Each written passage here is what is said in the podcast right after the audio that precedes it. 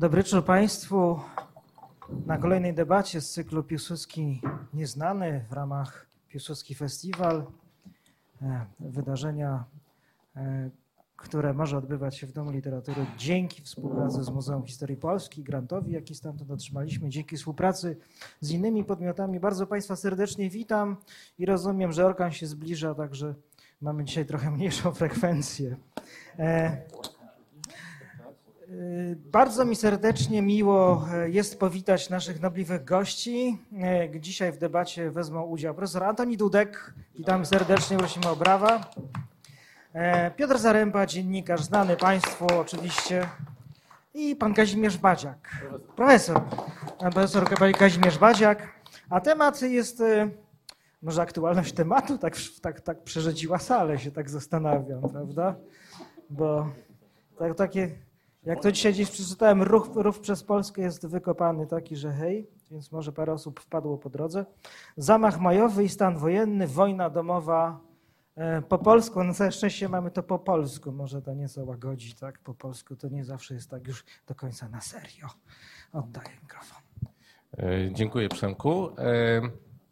E, Zanim rozpoczniemy dyskusję, to jeszcze chciałem w gwoli sprawiedliwości małą taką poprawkę, dlatego że Państwo mieliście w, w programie nazwisko profesora Mariusza Wołosa, który niestety nie, nie mógł do nas dojechać z powodów zdrowotnych.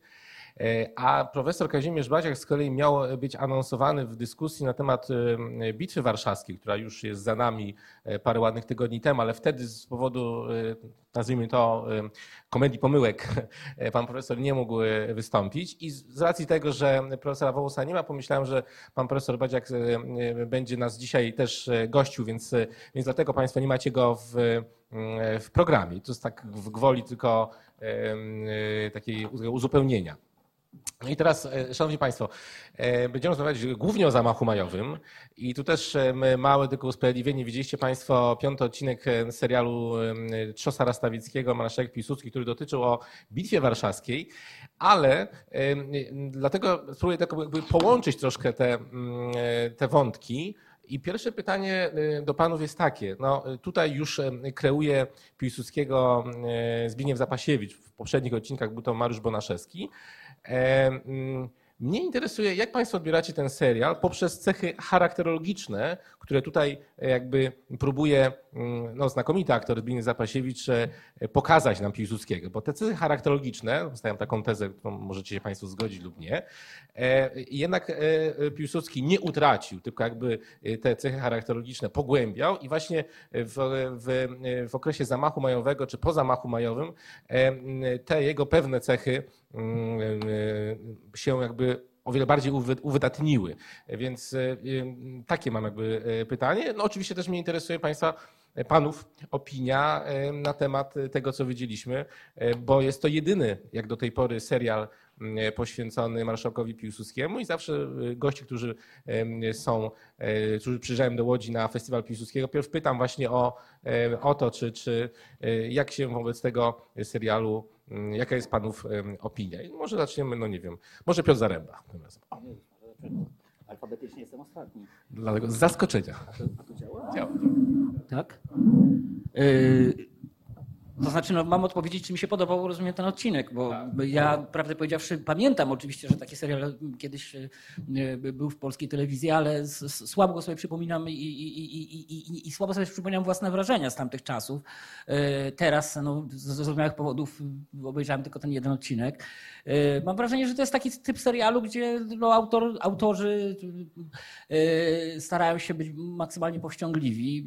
To jest taka quasi dokumentalna formuła, prawda, gdzie y, bardzo niewiele jest emocji, bardzo niewiele jest y, prywatności. Y, ta prywatność, jeżeli jest pokazywana, to taki bardzo, mówię, właśnie wyciszony, trochę koturnowy sposób, więc więc oczywiście ja bym wolał, żeby ta, żeby ta temperatura była większa. No, dla mnie punktem odniesienia jest na przykład oglądany przez mnie co jakiś czas film Śmierć prezydenta e, Jerzego Kawalerowicza. Tam z kolei te, aż kipi prawda, od emocji, aczkolwiek tam Piłsudski jest postacią schowaną trochę w cieniu, pojawia się w kilku scenach zaledwie.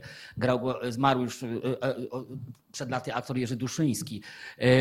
Więc trudno mi ocenić, mówiąc szczerze, no, można tak historię pokazywać, ale oczywiście to nie jest jest, y, to, nie jest, to nie jest pewnie cała prawda o, i o Piłsudskim, i o czasach Piłsudskiego. No, takie wstępne wrażenie mi przychodzi do głowy. Piotrze, poczekaj jeszcze, e, bo jeżeli już mówimy o tych kreacjach filmowych e, Piłsudskiego, no to właśnie Duszyński, to jest jeszcze właśnie Ryszard Filipski w, zamachu e, majowym. Jakbyś mógł zebrać te, te, te postaci i czy jakiś obraz charakterologiczny, bo to był to mój pierwszy ten wątek, takiego, takiego czeka jednak, bo tam jest taka scena w tym serialu, jak jest spotkanie z oficerami, Piłsudski wypowiada swoje zdanie, oni się z nim nie zgadzają, po czym się wszyscy zgadzają. No tak. Ale to jest, y, znaczy powiedziałbym w ten sposób, no, tego typu smaczków jest y, zdecydowanie mało, więc Zapasiewicz jest oczywiście, chyba z tych aktorów może nawet, y, chociaż nie chcę jakby hierarchizować, który jest najwybitniejszy, no, ale w każdym razie jest to, jest to wybitny aktor, natomiast no, nie, nie ma tu takiego jakiegoś wielkiego materiału do zagrania, czy, czy to psychologicznego, czy, e, czy, czy, czy, czy, czy jakiegokolwiek innego, więc w tym sensie no, trudno trochę zestawiać. Duszyński był pokazany w kilku scenach, bardzo efektownie, to to, to, to wypadło, ale to, to z kolei nie był bohater główny e, te, te, tej opowieści. Filipski z kolei no to jest oczywiście najbardziej krytyczna e, opowieść o, o marszałku Piłsudskim, e, robiona przez człowieka, który jest jakby no, no, no, no przeciwnikiem i, i, przewrotu majowego i tego, co się po przewrocie działo. Ale myślę, że była to dość krwista, krwiście zagrana postać. Natomiast mówiąc szczerze, też jak no, widziałem wiele lat temu ten, ten, ten, ten, film, mm, więc też ciężko, ciężko zestawiać, co się widziało dzisiaj z czymś, co się ledwie pamięta. No śmierć prezydenta to jest rzeczywiście coś, co ja bardzo dobrze pamiętam, bo widziałem to parę miesięcy temu po raz kolejny, e, gdzieś na którymś kanale był pokazywany, ale mówię, no tam Piłsudski jest pokazany raczej pozytywnie, a raczej jako człowiek skrywający sobie jakąś tajemnicę, co symbolizuje scena, gdzie e, w czasie pogrzebu e, Gabriela Narutowicza on układa pasjansa, czyli jakby no mamy i, i, i jakby nie ujawnia żadnych swoich skrytych emocji, to, to, to tam jest taka sugestia, prawda, że no to, e, to jest coś, co przyszłości, e, znaczy, że, że, że w przyszłości on jakby no, z tego, co się zdarzyło w, tym, w tej opowieści o, o, o 22 roku, e, że on, że on wyciągnie jakieś wnioski, prawda, no jest można powiedzieć rodzaj zapowiedzi zamachu majowego. Ale to jest bardzo pościągliwe też, więc jakby no, a, a poza tym on, on tam raczej robi sympatyczne wrażenie, to, ale też oczywiście, no mówię, pojawia się w paru scenach. No to to samo pytanie teraz do, idziemy alfabetycznie w dół, czyli teraz do profesora Antoniego Dudka. No to samo pytanie też o te cechy charakterologiczne, które e, widać i w tym serialu, i w tych innych filmach, i może nawet i w ogóle, czy to jest prawda o Piłsudskim? Dobry wieczór, Dobry wieczór Państwu. Tak, tak. tak. E, więc ja powiem w ten sposób. E, z tych kilku, tak, z tych kilku, o zdecydowanie, z tych kilku aktorów, którzy tutaj grali Piłsudskiego, byli przywołani, w moim przekonaniu najlepiej tą osobowość oddaje jednak Ryszard Filipski. Ale żeby była jasność, to nie chodzi o film Zamach Majowy, który był nakręcony w PRL-u i który był, e, powiedziałbym, no taką propagandą PRL-owską, już nieco łagodniejszą, ale powiedziałbym jasno, tam naj, prawdziwymi bohaterami są komuniści e, i tak dalej. To, to nie, nie chodzi o to, że Filipski był, był e, moczarowcem, nie. Chodzi o cechy osobowościowe aktora Ryszarda Filipskiego. Piłsudski był, proszę Państwa, osobowością despotyczną. Jak zresztą wszystkie tego typu postacie. No więc Zbigniew Zapasiewicz, wybitny aktor, do roli postaci despotycznych się moi dominujących takich samców alfa się po prostu nie nadaje, nawet jak się mu krzaczaste e, wąsy przyklei ło, e, przed laty. Po prostu. I tyle. E, w związku z tym, natomiast Filipski to był ten taki, powiedziałbym, twardziel perelowskiego kina, prawda, grający tych właśnie takich rzeczywiście ludzi narzucających swoje zdanie i, i dlatego najlepiej oddawał tą, tą osobowość. Także tu podkreślam to. Nie chodzi mi o to, że ten film Zamach Majowy mi się podobał jako źródło prawdy, bo, bo oczywiście było to mocno zniekształcone y, w wielu punktach. Natomiast y, w sensie osobowościowym Piłsudski po prostu był niezwykle dominującą postacią i to wynika z wielu świadectw historycznych, które znamy. I oczywiście to najgorszą formę przybrało po przewrocie majowym, kiedy Piłsudski już właściwie nie bardzo się musiał z czymkolwiek liczyć. Na tym filmie no, mamy go przedstawionego, no, przed chwilą żeśmy obejrzeli, w takiej wersji na kolanach. On sam jeden dźwiga ciężar tej wojny, y, prawda, i ze spokojem, prawda, takiego wytrawnego pokerzysty przyjmuje ataki tych wszystkich okropnych polityków, zwłaszcza tych endeckich, którzy go tam, e, prawda, atakują i którzy właściwie chcą wywiesić białą flagę. Y, No ale proszę Państwa, y, spójrzmy na to nieco innej strony, na to, co się stało, chociaż właściwie mamy mówić o przewrocie, mamy o roku 20. Y, Ja też uważam, że konflikt z Rosją bolszewicką był nieuchronny. Y, Natomiast powiedzmy sobie jasno, on mógł być w różny sposób prowadzony. Piłsudski y, zaczął tą wojnę, bo to jednak można dyskutować, kto ją zaczął, ale niewątpliwie strona polska podjęła w pewnym momencie, mówię o wyprawie kijowską, bardzo wyraźną inicjatywę, nie tylko w celu obrony niepodległości Polski, tylko w celu realizacji pewnej wizji geopolitycznej Piłsudskiego, prawda, zwanej wizją e, federacyjnej. To był pewien wybór geopolityczny, obciążony olbrzymim ryzykiem i który, jak wiemy, ostatecznie się go nie udało zrealizować. I mnie nie dziwią różni krytycy, którzy na przykład na tym serialu byli przedstawieni jako tchórze, prawda? A tymczasem to byli często ludzie, którzy uważali, że to jest po prostu błędna ocena sytuacji, wystawienie tego młodego państwa na potworne ryzyko. E, I, i, i z tego punktu widzenia ten, ten odcinek pokazuje nam jakby wszystko z perspektywy Piłsudskiego, tego męża stanu, który patrzy dalej, który wie, już ma ten plan. Ta scena, jak on tam kreśli tym cyrklem, prawda, wymyśla to kontrofensywę z nadwieprza, no a powiedzmy sobie jasno, wiemy dzisiaj, czy już od jakiegoś czasu wiemy, e, że tak naprawdę no, zasadnicze znaczenie miało złamanie szyfrów e, Armii Czerwonej, prawda, przez polskich kryptologów, przez pułkownika Kowalewskiego i że z grubsza było wiadomo, oczywiście ja nie chcę odbierać Piłsudskiemu zasługi, bo on brał odpowiedzialność. Znaczy zawsze naczelny wódz, wszystkie spory, kto to wymyślił i tak dalej, zawsze dla mnie autorem jest ten, kto ponosi odpowiedzialność, kto podejmuje decyzję. I to jest jego wielkie zwycięstwo. Natomiast y, no, w takiej wersji, jak w tym serialu, ja po prostu Piłsudskiego nie akceptuję, bo ja, mam, ja uważam, że w Polsce y, y, mamy taką skłonność do postrzegania wszystkich ważnych postaci w naszej historii w takiej skrajnie biegunowej postaci. Albo bezkrytycznie na kolanach i symbolem dla mnie jest ten serial i ten konkretny odcinek już wyjątkowo, albo odwrotnie tego bohatera do, staramy się zdołować, po prostu zniszczyć, zostawić na nim suchej nitki. I to jest coś, przed czym bym yy, przestrzegał, bo ja po prostu uważam, że to jest jakaś zła cecha polskiego życia publicznego. I to dotyczy i dyskusji o Piłsudskim, o każdej właściwie ważnej postaci naszego życia publicznego. To tyle. Pan profesor Baciek. No ja akurat, y, przepraszam, no dobry wieczór Państwu. Y, Akurat nie widziałem w tych, tych poprzednich odcinków i tutaj jestem w sytuacji znacznie gorszej, ale muszę, tak jakoś tak mi się wydaje, że jednak tutaj gra tego pana, który tutaj kreował osobę Piłsudskiego, moim zdaniem, to była klasa była i ja uważam, że to było, to było, to naprawdę dobrze oddał przynajmniej Piłsudskiego z tego, z tego, z tego okresu, z tego okresu.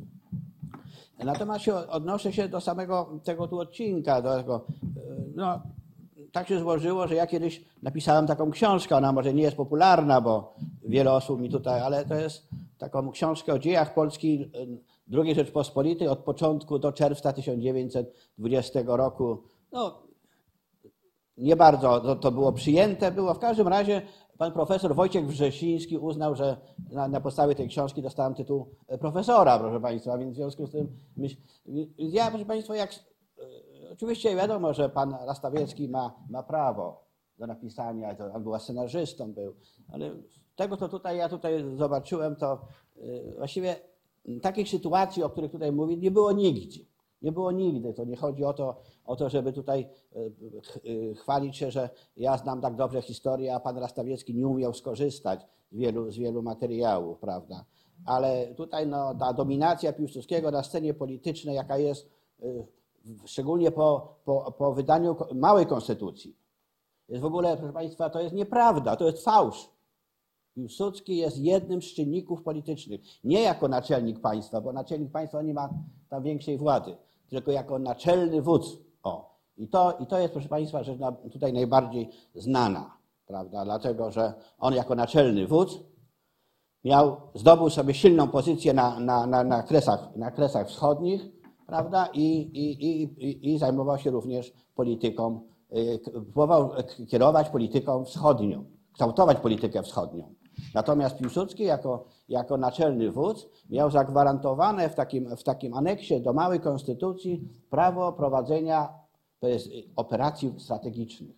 Tam Państwo zobaczą. I Piłsudski z tego skorzystał. Tego skorzystał w 1920 roku, projektując y, dwie wyprawy na, przeciwko Rosji e, radzieckiej. Pierwsza doszła do skutku, druga, która miała być na północy, w późniejszym okresie czasu, nie doszła do skutku z wiadomych, wiadomych względów. Co do, co do, proszę Państwa, tej bitwy warszawskiej, to tutaj trzeba wyraźnie powiedzieć, że ona jest bardzo krótka. No tutaj nie, nie można się odnieść do wielu, do wielu wątków, prawda? Ale to jest, to jest moim zdaniem tutaj no, przedstawione jako, jako, jako Piłsudski, jako zbawca ojczyzny.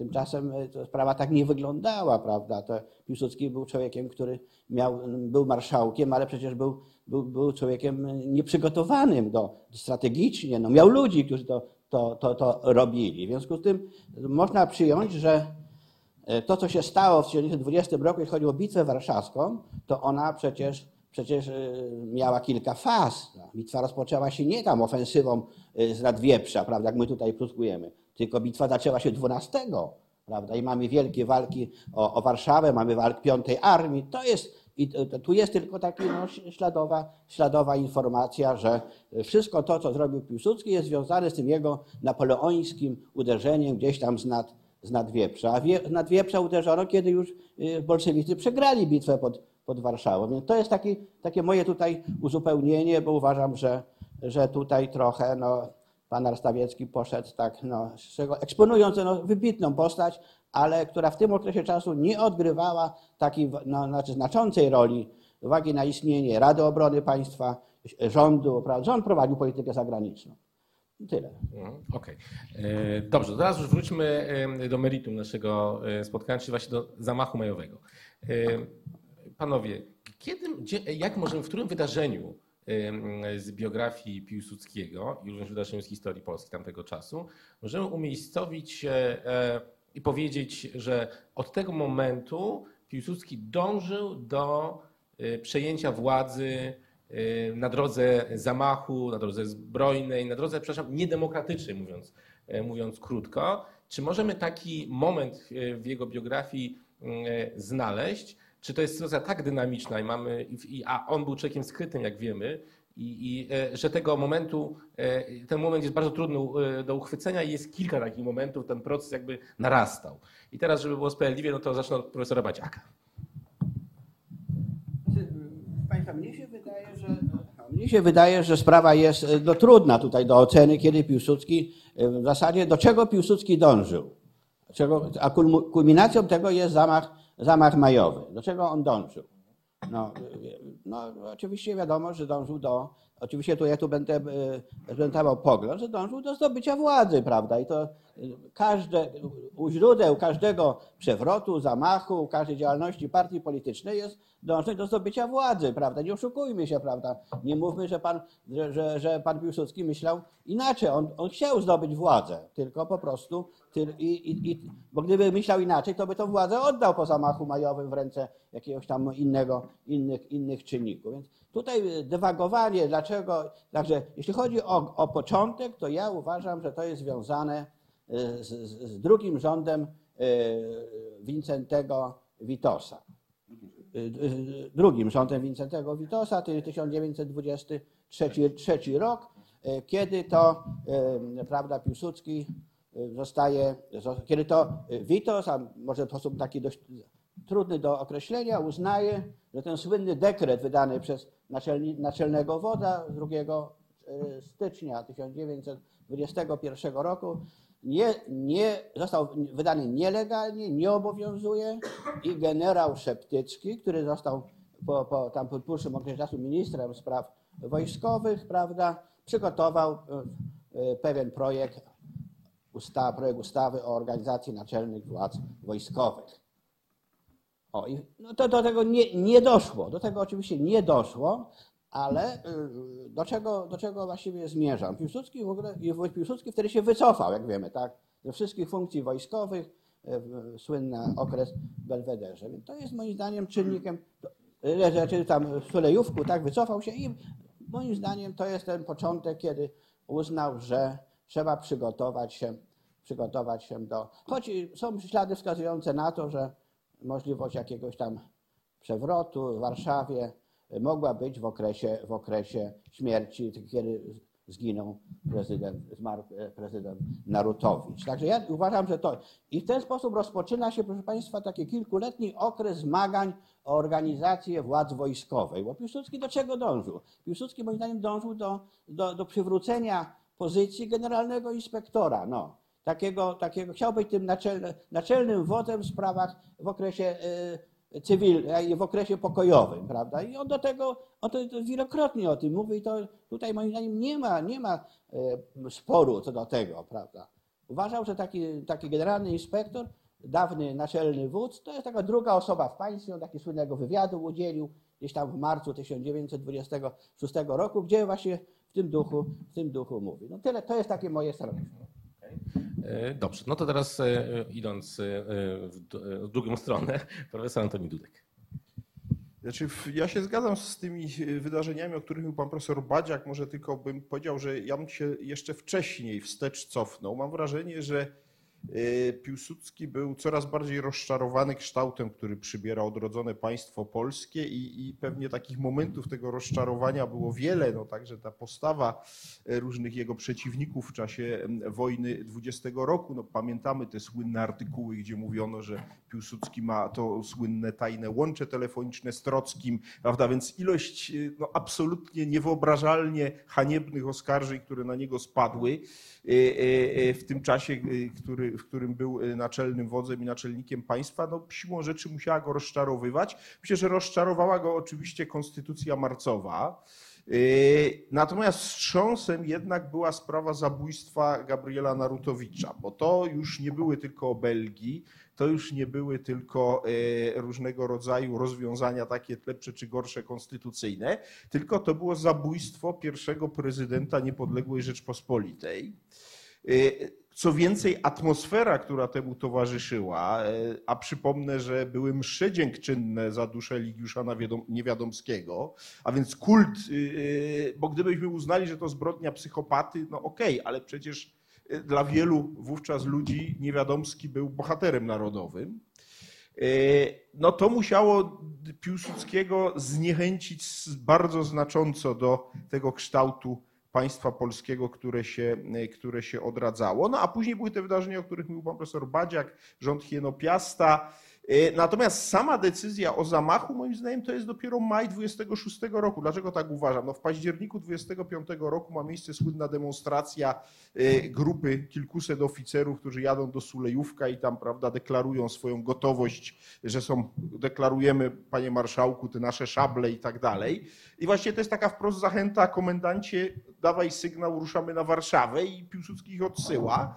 Natomiast w maju, kiedy powstaje trzeci y, rząd Witosa, on uznaje, że dłużej być nie może, tak? Przy czym proszę zwrócić uwagę, on kiedy y, y, zaczyna marsz na Warszawę, tak naprawdę do słynnej rozmowy z prezydentem Wojciechowskim na moście Poniatowskiego, moim zdaniem traktuje to wszystko jako demonstrację, której celem nie jest jeszcze przejęcie władzy, tylko zmuszenie Wojciechowskiego do zdymisjonowania rządu Witosa i do powołania jakiegoś innego rządu. No ale ponieważ Wojciechowski się zachowuje jak należało i żąda od Piłsudskiego, żeby zaprzestał łamania prawa, no to Piłsudski. Yy, yy, I teraz jest pytanie, czy Piłsudski, dlatego że jeśli weźmiemy ustalenia profesora Garlickiego, choćby, yy, ale też inne, on się po prostu załamuje po tej rozmowie yy, i gdzieś tam idzie do koszar, yy, już nie pamiętam, gdzieś na Pradze i po prostu przez parę godzin właściwie jest załamany tym, co go spotkało ze strony jego dawnego przyjaciela Wojciechowskiego i kontrolę nad właściwie wojskiem przejmuje generał Gustaw Orlicz Drescher i wydaje się, że to on tak naprawdę dokonuje tego wojskowego zamachu stanu, znaczy on kontynuuje te walki. On kontynuuje te walki i tak naprawdę to Orlicz Drescher jest autentycznie y, realnym autorem, moim zdaniem, y, y, y, tego zamachu stanu, a Piłsudski tylko uruchomił jakby to coś, co nazwał demonstracją wojskową. Natomiast później, to chcę powiedzieć, bo y, skoro jestem przy głosie, to chcę powiedzieć jasno, y, y, y, y, naprawdę w tym momencie byliśmy w co najmniej równie, no może nie co najmniej, ale w równie dramatyczny, to jest moim zdaniem równie, z czego sobie w Polsce ludzie nie zdają sprawy. To, co się dzieje w okolicach 12-13 maja, jest równie dramatycznym momentem w historii Polski jak Bitwa Warszawska. E, Dla wielu to jest szokujące, ale jak to? Przecież dzieci bolszewicy.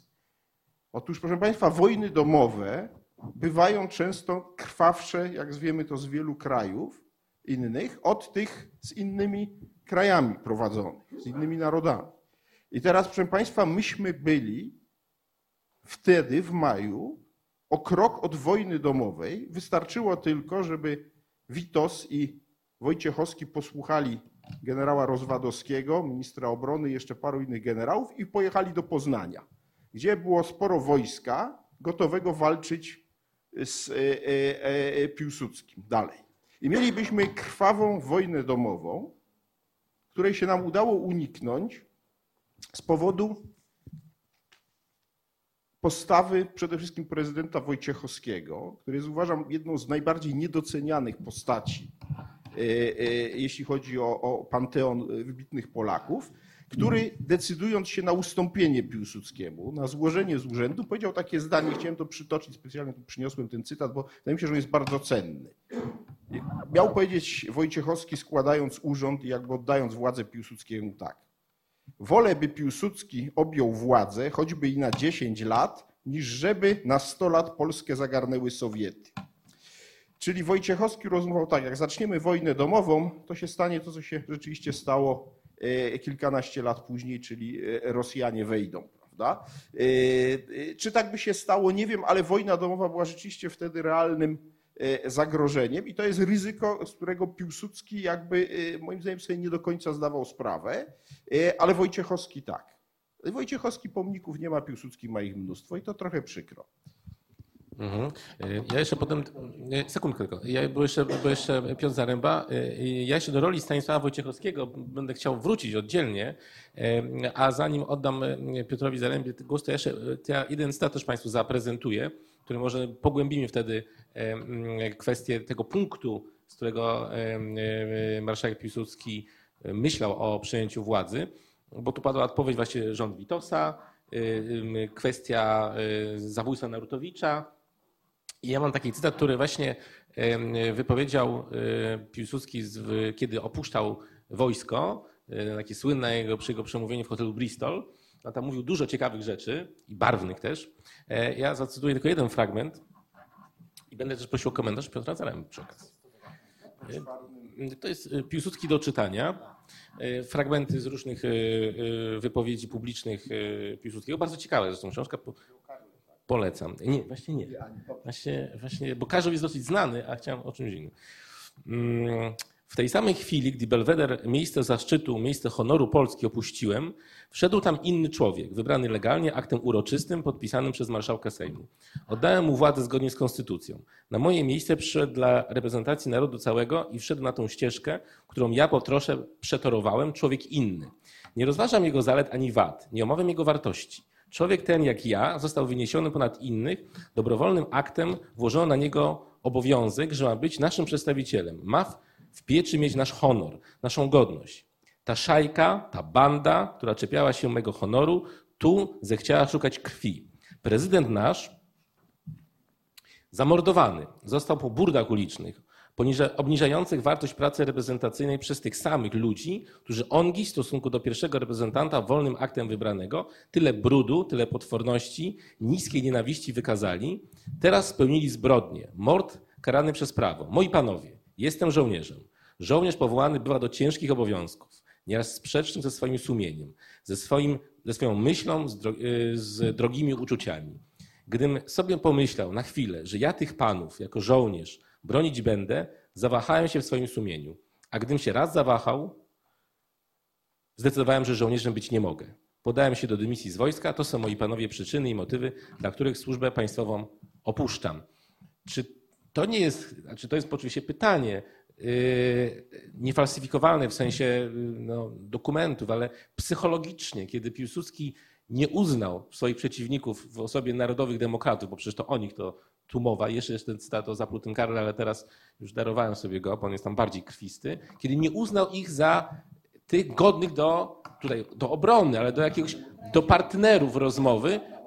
Roz, czy to nie jest ten moment psychologiczny, kiedy ułatwił mu później e, nie na drodze jakiejś gry politycznej, parlamentarnej, tylko, tylko jedyną możliwą jakby reakcją na rząd, gdzie rząd sprawuje de facto narodowa demokracja w koalicji z, z Wincentym Witosem, tak to rozegrać, czyli no, rozegrać to po prostu niedemokratycznie. No tak, chociaż właśnie tu jest pytanie o to, co było jego celem w 26 roku. To znaczy, czy rzeczywiście to było, on z góry zakładał, że weźmie całą władzę, czy jakby chciał tylko zagrodzić drogę do tym, tym ludziom, o których, o których mówisz, prawda? Znaczy, dla mnie ciekawym wątkiem, który się gdzieś ujawnił przy okazji wypowiedzi Antoniego Dudka jest pytanie, co by było, gdyby Wojciechowski mu ustąpił, ale nie ustąpił ze stanowiska, tylko gdyby jakby ugiął się wobec jego tych żądań prawda, z, mostu. No, znaczy, no, co, co by było? Czy on, e, czy on zostałby w jakiś sposób, e, że tak powiem, inkorporowany przez system, no ale ten system kwestionował, kwestionował przecież e, konstytucję marcową, prawda? Czy nie, nie wiemy tego. Zresztą przecież i później jest inna, inna możliwość. Pamiętacie przecież doskonale Państwo, że Piłsudski odrzuca prezydenturę, prawda? On ją dostaje przecież od Sejmu, Sejmu, gdzie nie ma w zasadzie żadnej jego partii, prawda? A, a właściwie, a właściwie no, następuje pewnego rodzaju abdykacja. W, w, w większości, no, częściowo oczywiście tej większości, która częściowo to, to, są to partie, które go poparły e, w maju 26 roku, aczkolwiek nie tylko, prawda, bo te partie nie były większością e, w parlamencie. Więc dla mnie to jest ciekawe pytanie. Ja myślę, że tutaj się trochę jakby e, panowie przypadkowo pewnie podzielili rolami, to znaczy Antoni Dudek kładł większy nacisk na te elementy emocji Piłsudskiego, no ten element właśnie no, jego poczucia krzywdy. Ja nie chcę oceniać tego, powiedzmy, no, w każdym razie, no y, właśnie, no Zresztą ta scena, która jest, tutaj pokazana, ona zdaje się, że wyglądała, przynajmniej ja czytałem z kolei opis, mówię o y, wizycie w Belwederze y, delegacji z Poznańskiego, no to ten ksiądz Adamski, to jest ksiądz Adamski, ten, y, ten tam zdaje się, że wskazywał na niego palcem w ogóle, więc jakby tu jest to łagodnie pokazane, to znaczy tak powiedziałbym bardziej, bardziej to jest wystudzone, a że ta, ta kwestia, że zdrada, tak, zdrada właśnie była bezpośrednio wobec niego sformułowana i jakby właśnie ten palec w kierunku Piłsudskiego wymierzony e, całą sprawę przesądzał. E, I to jest oczywiście, i, i, i tutaj też, tym, co ty przeczytałeś, też jest oczywiście ten element tej, tego pokrzywdzenia, prawda, poczucia, e, poczucia niesmaku, ale też oburzenia i właśnie burdami przeciwko Narutowiczowi, ale też no, atakami na niego samego, prawda. On ma takie poczucie, że przez lata całe środowiska polityczne budują na walce z nim swoją, swoją siłę, reputację, E, a z kolei profesor Badziak, rozumiem, bardziej kładzie nacisk na ten element taki taktyczny, to znaczy na to, że e, on w istocie rzeczy, no na przykład prowadząc właśnie przez lata tą wojnę e, o, o, o organizację władz wojskowych, prawda, no, no w istocie rzeczy cały czas dbał o to, żeby nie akceptować tego systemu, który panuje w Polsce, żeby dawać swoim zwolennikom rozliczne sygnały, że jest przeciw i no, to by zakładało jednak pewien element raczej kalkulacji, nie, nie, nie poczucia dramatycznego o to, o to mnie obrażają, prawda? Tylko raczej, raczej założenia, że no prędzej czy później w taki bądź inny sposób zgadzam się, że e, bezpośrednim przyczyną było oczywiście objęcie władzy przez e, Hienopiasta, drugiego, drugiego Hienopiasta, prawda? Ale że, e, ale że tym, w tym szerszym sensie, no Piłsudski już jakby obiecał sobie, że nie daruje e, tej marcowej e, e, Rzeczpospolitej, że będzie próbował w taki czy inny sposób prędzej czy później to jakoś wy, wy, wywrócić. To, są dwie wizje, które są niesprzeczne ze sobą, bo politycy bardzo rzadko kierują się wyłącznie jedną okolicznością czy jedną, jednym motywem. Tak przychodzi mi taka zabawna uwaga do głowy, mianowicie w poniedziałek z kolei, tutaj dzisiaj przyjechałem do Łodzi, a w poniedziałek z kolei byłem w Poznaniu e, na sztuce e, pana Pawła Denirskiego wystawionej, wystawioną przez Monikę Szczępkę na temat Kaczyńskiego, Jarosława Kaczyńskiego. I Kaczyński jest tam głównym bohaterem tej sztuki, jest tam również Tusk pokazany. No i teraz pan Denirski, pisząc tę sztukę, dokonał pewnego wyboru. On uznał, że Kaczyński jest w gruncie rzeczy chytrym intrygantem, który, którym chodzi o władzę. Kieru, oparł się na jednej właściwie książce, to znaczy na książce Roberta Krasowskiego, Krasowskiego, e, który tak przedstawia politykę w ogóle. Znaczy dla Krasowskiego jest jedynie czynnik e, cynizmu, koniunkturalizmu, e, pewnego, pewnej, pewnego podstępu. No to, tak, tak widzi polityków, ale jakby nie widzi drugiego wymiaru, czyli wymiaru poglądu, idei, koncepcji. No, tak jak nie godzę się na by- by- by uznanie Kaczyńskiego wyłącznie za, za, za, za małego, tuzinkowego, chytrego intryganta, tak też nie godzę się oczywiście z wizją, że Piłsudski był wyłącznie cyniczny. Nie, ale niewątpliwie no nie, jest, nie był też takim powiedzmy no, spiżowym, naiwnym bohaterem. Trochę jednak ten Zapasiewicz to w, w tym kierunku go tutaj przesunął, który się prawda, no, nie może pogodzić ze złem panującym w Polsce i w związku z tym prawda, no, z bólem serca y, p- po- podejmuje taką decyzję, chociaż właściwie nie chciałby tego. No. Nie, on, on miał jakby wyraźne poczucie tego, że w Polsce w- władza powinna być y, w rękach jednostki, silnej jednostki. Od którego momentu ma to, to poczucie, to, to też trudno powiedzieć, bo rzeczywiście jako naczelnik państwa on nie miał formalnie bardzo dużej władzy i dość dobrze te obowiązki wykonywał, prawda? To znaczy dość dobrze się zmieścił w tym systemie takim, powiedziałbym, no, bo przecież to, to, to, to, to, to, to, o, o, o, to, o, głowa państwa odpowiadała przed Sejmem tak naprawdę, no więc to, y, y, to nie jest system nawet parlamentarno-gabinetowy, prawda? Ten system, który został wprowadzony y, w 19 roku. Tak to widzę, no więc widzę też Piłsudskiego z jednej strony jako osobę, która ma prawo do własnych emocji, ma prawo do własnego poczucia krzywdy, ale też widzę go jako człowieka, który no, dość bezwzględnie gra z rzeczywistością i dąży jednak do e, tego celu, pewnie nie znając e, do końca e, gotowego scenariusza. No ten scenariusz podsunął mu życie, to znaczy podsunęło mu to stworzenie tej większości parlamentarnej, której, która mu się wydawała wyjątkowo obmierzłą, prawda? czyli większości centroprawicowej. Rozumiem, że po- polemicznie, profesor To Baciak. znaczy, ja bym tylko chciał tak uzupełnić pewne tutaj rzeczy. No, e, oczywiście no, możemy mówić, że e, powiem tak, proszę Państwa, na początku listopada 1918 roku, kiedy jeszcze Piłsudski nie wrócił prawda, do, z, Niemiec, z Niemiec, to e, Felix Per powiedział takie bardzo fajne słowa. Róbmy naszą politykę, prawda, jest jeden z przywódców PPS-u, prawda, bo za chwilę przyjedzie Piłsudski i będzie prowadził swoją e, osobistą politykę. Ja myślę, że w tym się właśnie przejawia.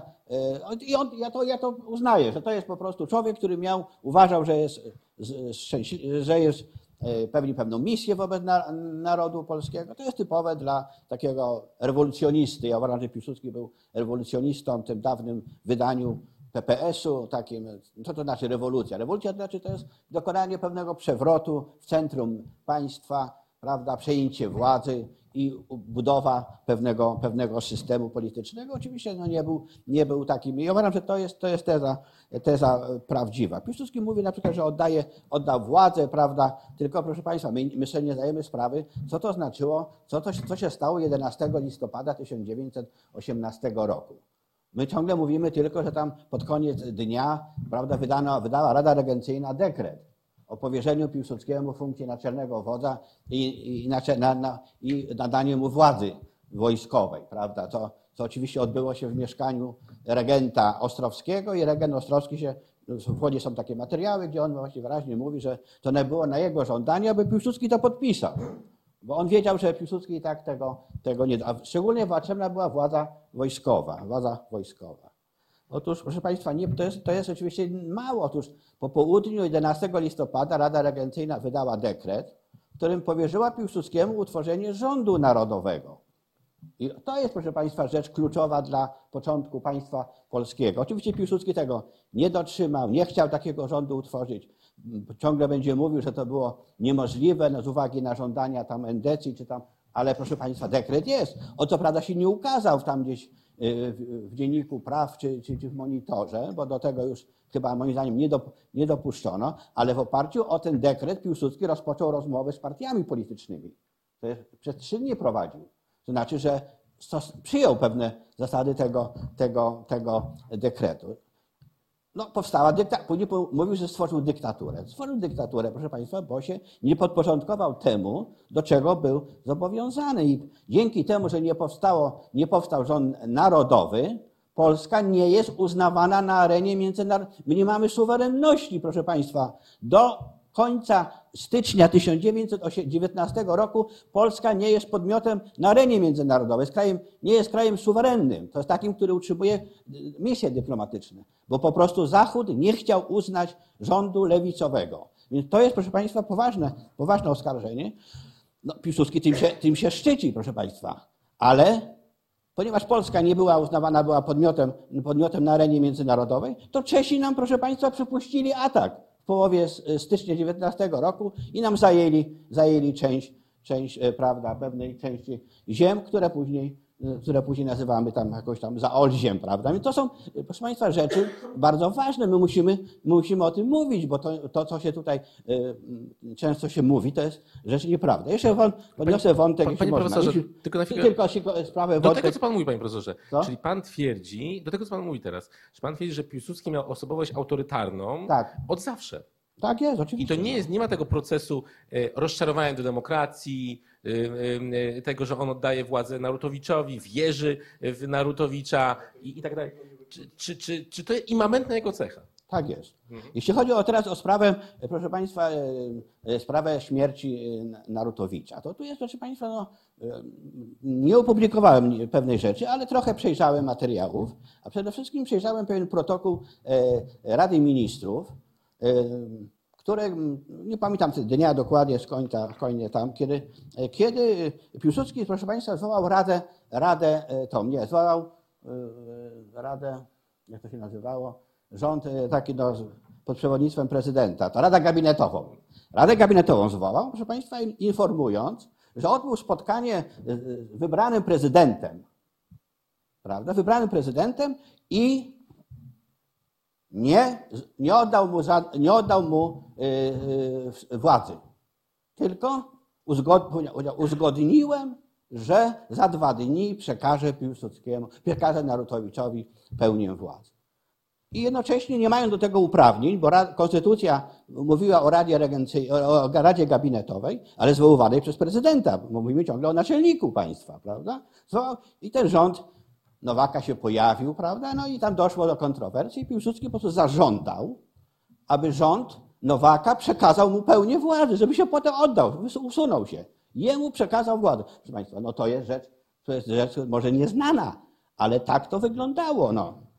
Jeden, no i na, no, na szczęście grupa ministrów, prawda, e, opowiedziała się zdecydowanie, że jeśli jest wybrany prezydent, to jemu należy przekazać pełnię, pełnię władzy, proszę Państwa. No niestety, bo takie są, takie są wymogi, prawda. Takie, co, to, co to oznaczało? No, Piłsudski później, to, są, to co pan profesor tutaj Dudek mówi, że Piłsudski, dla niego był to wstrząs. To są poprawki historyczne pisane z pewnej perspektywy, mówione z pewnej perspektywy przez Piłsudskiego, który próbował usprawiedliwić szereg swoich posunięć, e, swoich posunięć. Zresztą jest autorem takiej książki Poprawki historyczne, gdzie wiele rzeczy, które, które się, z którym się nie zgadzał prawda, w przeszłości, które były źle oceniane przez wielu, e, wielu pamiętnikarzy, typu Daszyński czy innych, uważał, że on ma tylko rację i dokonywał poprawek historycznych. To prost, łatwe to jest, no. Każdy sobie takie coś może zrobić, ale to nie ma nic wspólnego z tym, co się działo faktycznie. No.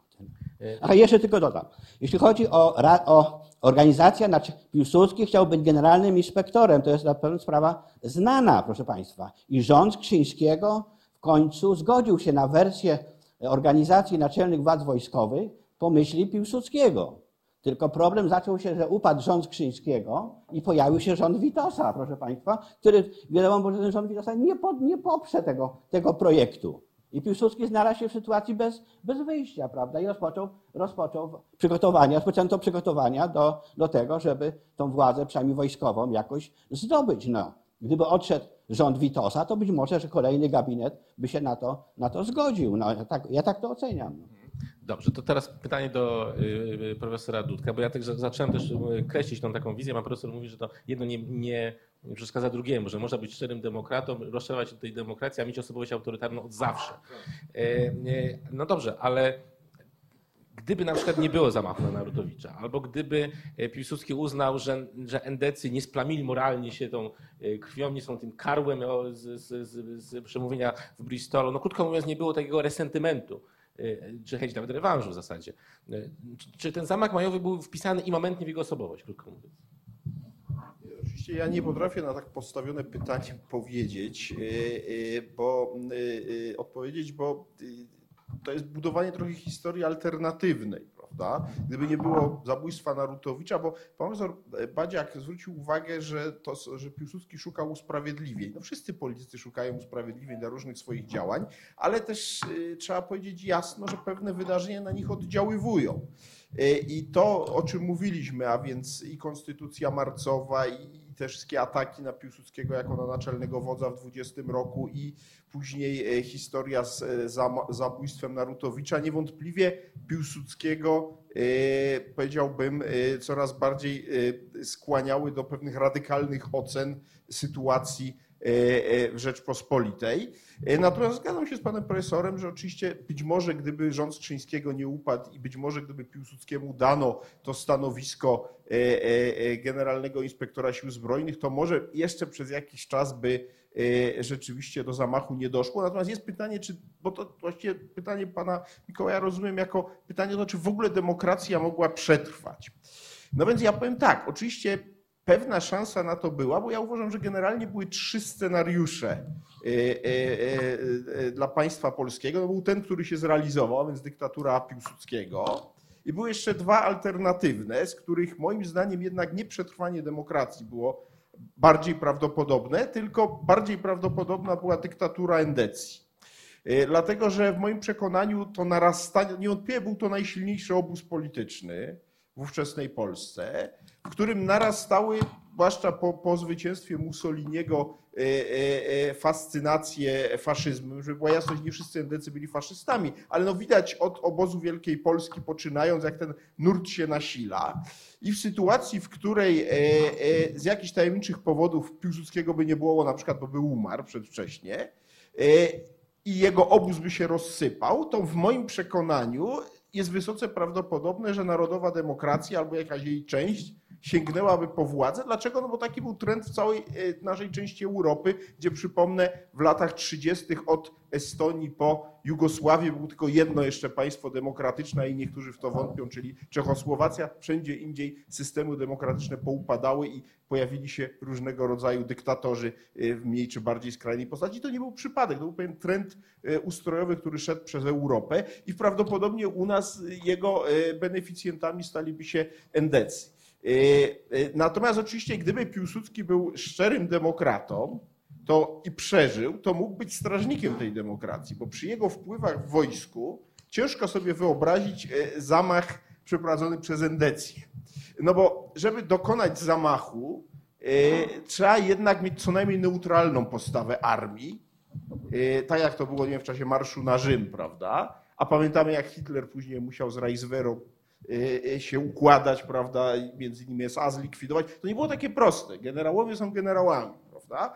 Y, I w związku z tym mam wrażenie, że gdyby Piłsudski jednak chciał być takim parasolem nad demokracją w Polsce, to mógł próbować. Nie wiem, czy to by się udało, ale mógł próbować. Dlatego on nie chciał tej roli. Nie chciał po prostu, że ta demokracja jest bez sensu, skoro jej beneficjentami są różni właśnie tacy e, ludzie jak, jak, jak, jak endecy, prawda, którzy go opluwają i tak dalej.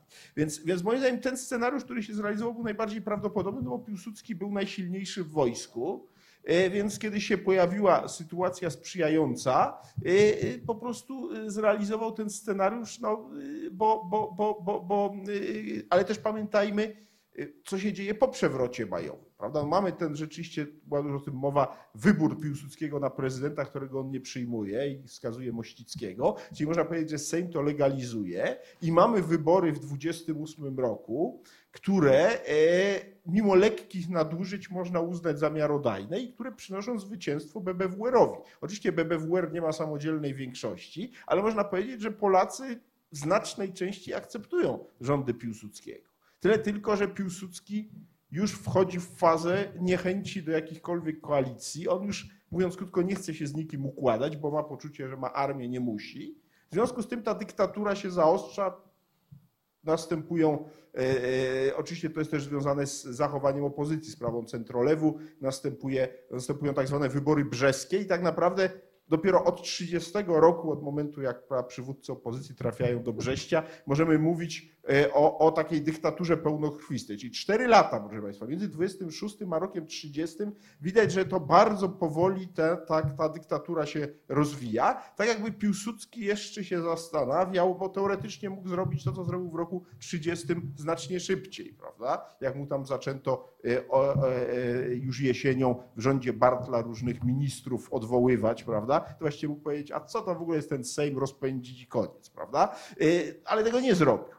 Przeciwnie, ten Sejm e, o dziwo przetrwał jeszcze prawie dwa lata. Więc, więc tu widać, że Piłsudskiego jest pewne wahanie, bo jest to słynne jego zdanie, że, że Polakami się nie da rządzić przy pomocy bata. I to, to mi się jakoś tam oddawało jego, jego przemyślenia. On po prostu był tu moim zdaniem rozdarty. To znaczy w końcu ustanowił swoją dyktaturę, ale była to dyktatura, no powiedzmy jasno, na tle tych innych niezwykle łagodna, bo on miał takie poczucie, że y, y, no, ta dyktatura w takiej postaci naprawdę E, ostrej ataki, taką mieliśmy za wschodnią i za zachodnią granicą.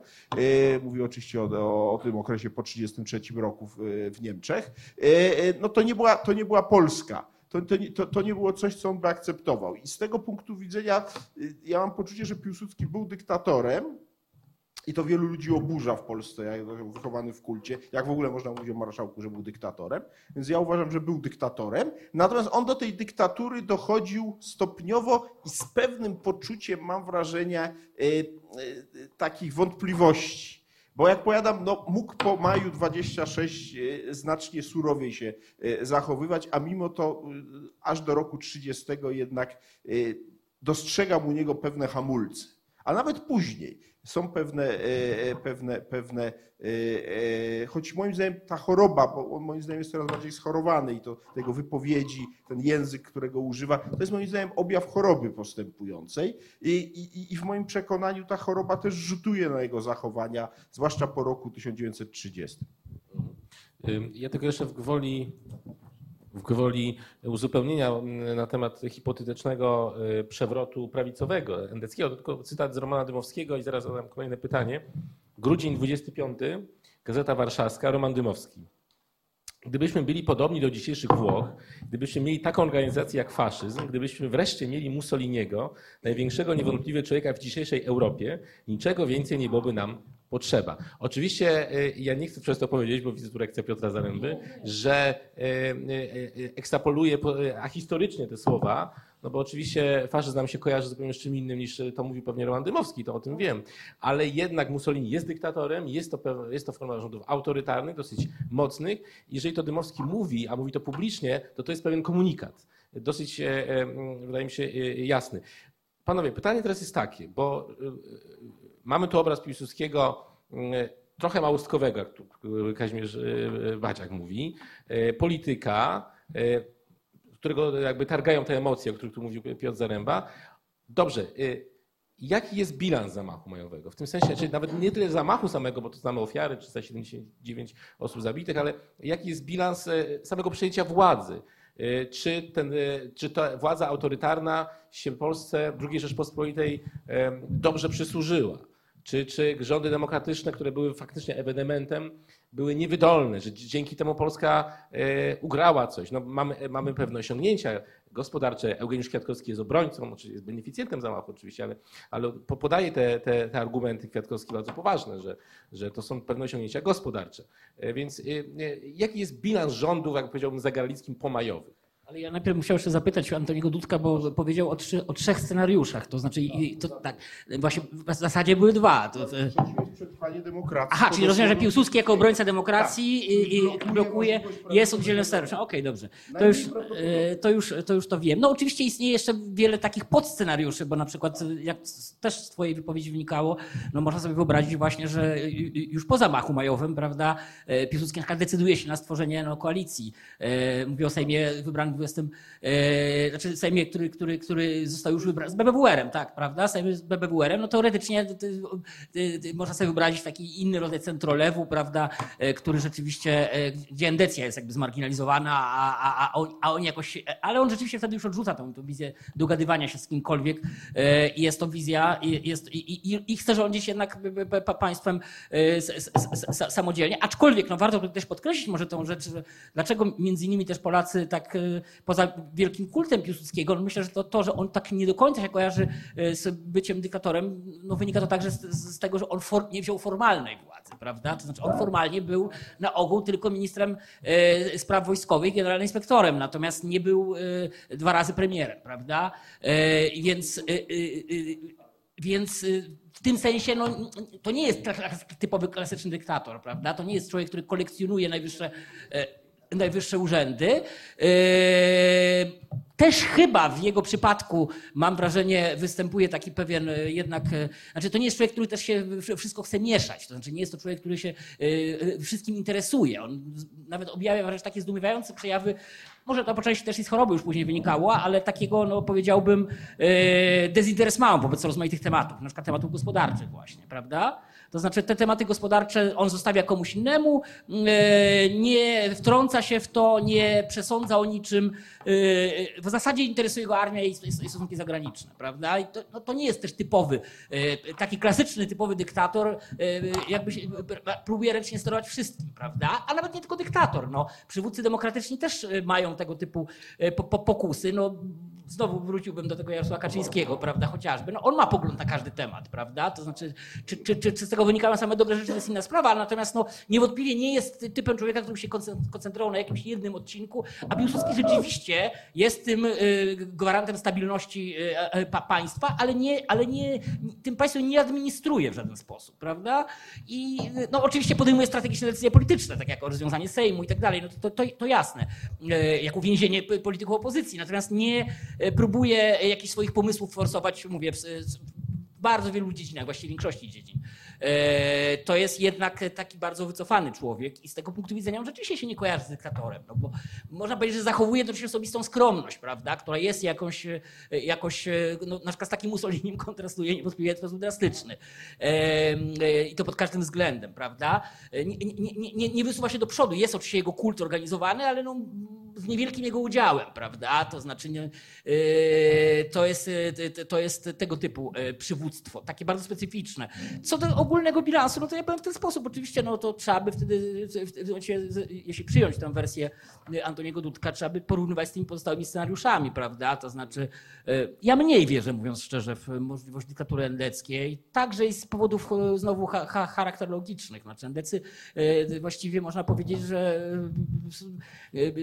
głównie ich ruchy się składają z rozmaitych abdykacji, z wycofywania się, prawda? I sam Dmowski nie był typem znowu klasycznego lidera, który by tak, tak rwał się do władzy, prawda? Raczej traktował siebie jako ro- rodzaj wychowawcy, no a skoro tak, to e, system e, dyktatury bez dyktatora trochę trudno sobie wyobrazić. No. Nie jestem tak dobrego zdania o Endecji jak e, Rafał Ziemkiewicz, który z kolei buduje tą wizję, prawda, że to była partia obywatelska, partia, że tak powiem, całkowicie, całkowicie, że tak powiem, demokratyczna w, w, w każdym sensie, ale nie, ale nie widzę też ich jako jakichś takich kandydatów do rzeczywiście ustanowienia trwałego monopolu, choć oczywiście no, natura ich programu, można powiedzieć, trochę ich do tego pchała, no bo e, jeżeli ktoś się uważa za reprezentanta jedynego reprezentanta interesu narodowego, no to w zasadzie powinien cały czas rządzić, prawda? To znaczy ka, każda, każda władza bez udziału endecji jest y, nie, nie, władzą, ale, ale mówię, ale w praktyce oni jednak aż, y, owszem, zrobić burdy uliczne przy okazji wyboru nieulubionego prezydenta, tak, ale czy, czy rzeczywiście wziąć władzę, no plus właśnie ten problem nie- nieposiadania wpływu w armii, prawda, no czy, czy posiadania, oni mieli, mieli bliskie całej generał, oczywiście, no mieli, mieli, ale pytanie, czy rzeczywiście, no właśnie, no właśnie. Y, to jest wreszcie no, jednak ich postawa w 26 roku. No, to znaczy, no, owszem, Wojciechowski podejmuje decyzje, ale no, NDC też nie są ja- ja- ja- jacyś szczególnie brutalni, że tak powiem, w gotowości do, do, do, do, do prowadzenia walki z Piłsudskim, prawda? To znaczy, to, to nie są ludzie, którzy pojechali do tego Poznania i skrzyknęli, prawda, swoich stronników, których tam mieli mnóstwo. E, Więc to jest raczej formacja, no można powiedzieć, e, tak w praktyce e, e, ła- łagodna. Nie, nie, nie w programie, nie w retoryce, ale w, ale, ale w takim e, dzia- dzia- działaniu e, e, e, ła- łagodniejszym. Więc ja nie wiem, mówiąc szczerze, no oczywiście Ja, ja ci tylko wejdę w słowo, Piotrze. Pamiętaj, ewolucja. Jest endecja z początku lat 20. i ta z lat 30. One się już dość od siebie różnią. No tak, ale no tak, no to pytanie, w którym momencie byśmy e, upatrywali, upatrywali tego, ale właśnie to, to znowu, to musiałby, tę tę decyzję musiałby podjąć Roman Dmowski.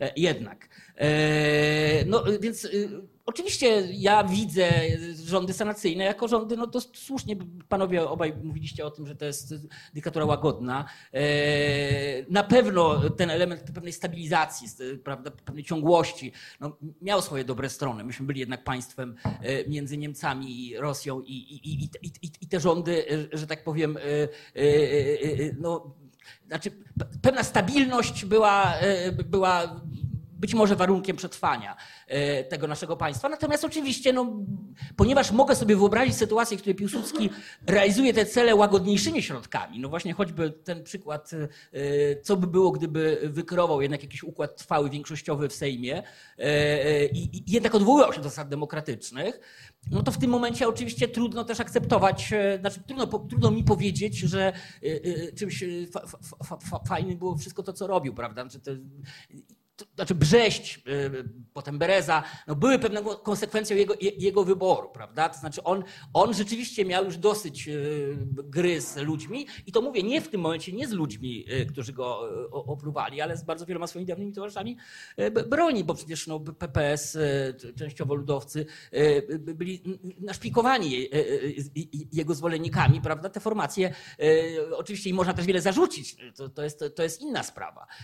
Natomiast to jest, y, to, to jednak z mojego punktu widzenia, mojej pewnej wizji państwa, byłby to scenariusz niewątpliwie bardziej, y, bardziej mi odpowiadający. Natomiast no, zarazem nic potwornego się nie stało. No, to znaczy, to mo- można powiedzieć, że, że, że, że no, partie istniały do 1939 roku. Y, Można oczywiście widzieć y, ewolucję w, y, w prawo, y, no, eliminację partii z Sejmu przez ordynację wyborczą, ale y, następują demokratyczne wybory samorządowe y, niedługo przed wojną. To z kolei jest taki sygnał w drugą stronę, prawda? To znaczy, to, ta, tam też nawet już po Piłsudskim, po śmierci Piłsudskiego nie było jakby y, y, y, jednego kierunku, chociaż oczywiście te takie totalizujące skłonności no, y, zdecydowanie, y, zdecydowanie dominowały.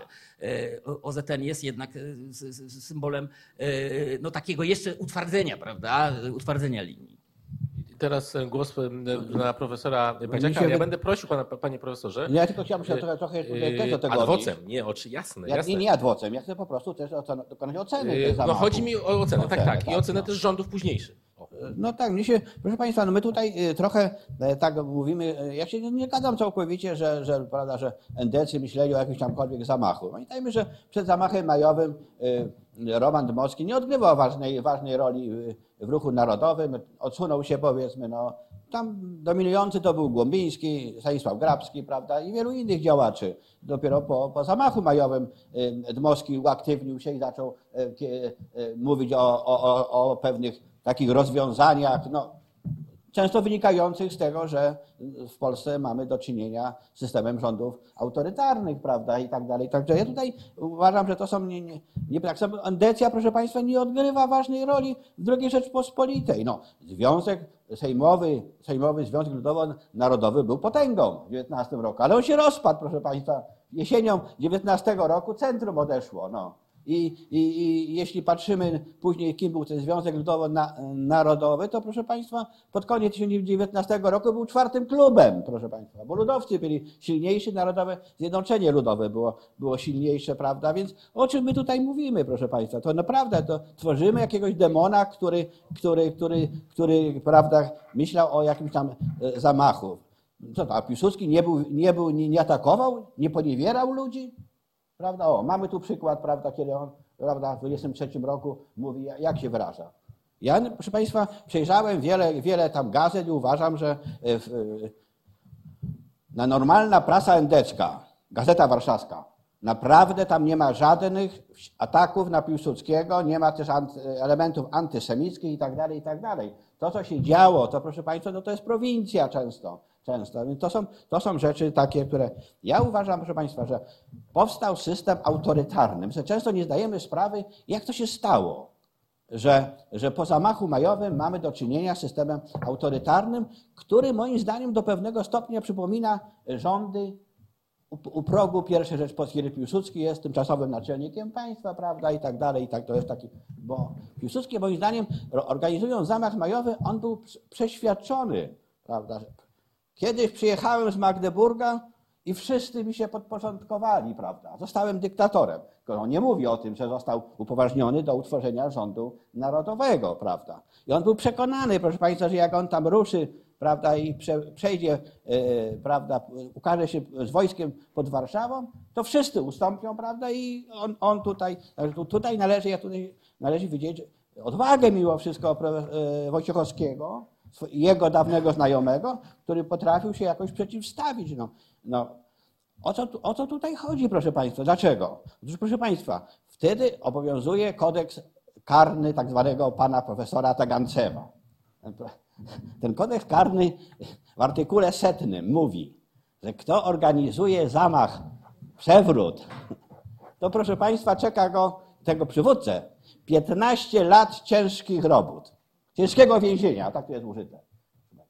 Kiedy ten, kiedy ten artykuł został wprowadzony? On został wprowadzony, proszę Państwa, po, po zamachu 4 na 5 stycznia 1919 roku, bo się okazało, że po tym zamachu Januszajtisa i, i, i tego, i Sapiechy, bo się okazało, proszę Państwa, że ten, bo e, nie było w kodeksie karnym od 1917 roku przestępstw wobec państwa, bo państwa polskiego nie było, prawda?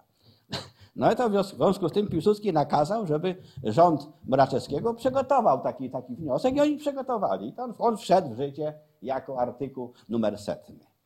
No, no proszę Państwa, jak przegra, jakby się okazało, że przegrają, no to, by, no to by ci, którzy wygrali, by powiedzieli, panie, panie, panie Piłsudski, no kodeks mówi 15 lat ciężkiego więzienia, proszę Państwa. Oczywiście tam była pewna taka mała, dodatek był, który mówił, że jeśli to jest rewolucja, to wtedy można, taki, takie rewolucje wolno przeprowadzać, a, a, a takiego zamachu typowo przewrotu nie wolno, nie wolno było robić. Dlatego, dlatego sanacja mówiła, przepraszamy, byśmy zrobili rewolucję majową, żeby osłabić taką właśnie, taką właśnie tutaj. Co to jest proszę, demokracja? Demokracja to jest podejmowanie decyzji w sposób zbiorowy. No. Za decyzję odpowiada większa grupa ludzi. No, rządy autorytarne, no to, czy tam dyktatura, no to jednostka podejmuje takie decyzje. Otóż, proszę Państwa, my sobie nie zdajemy sprawy, co ułatwiło Piłsudskiemu, Piłsudskiemu przejęcie władzy, przejęcie władzy, utworzenie systemu autorytarnego. Otóż konstytucja.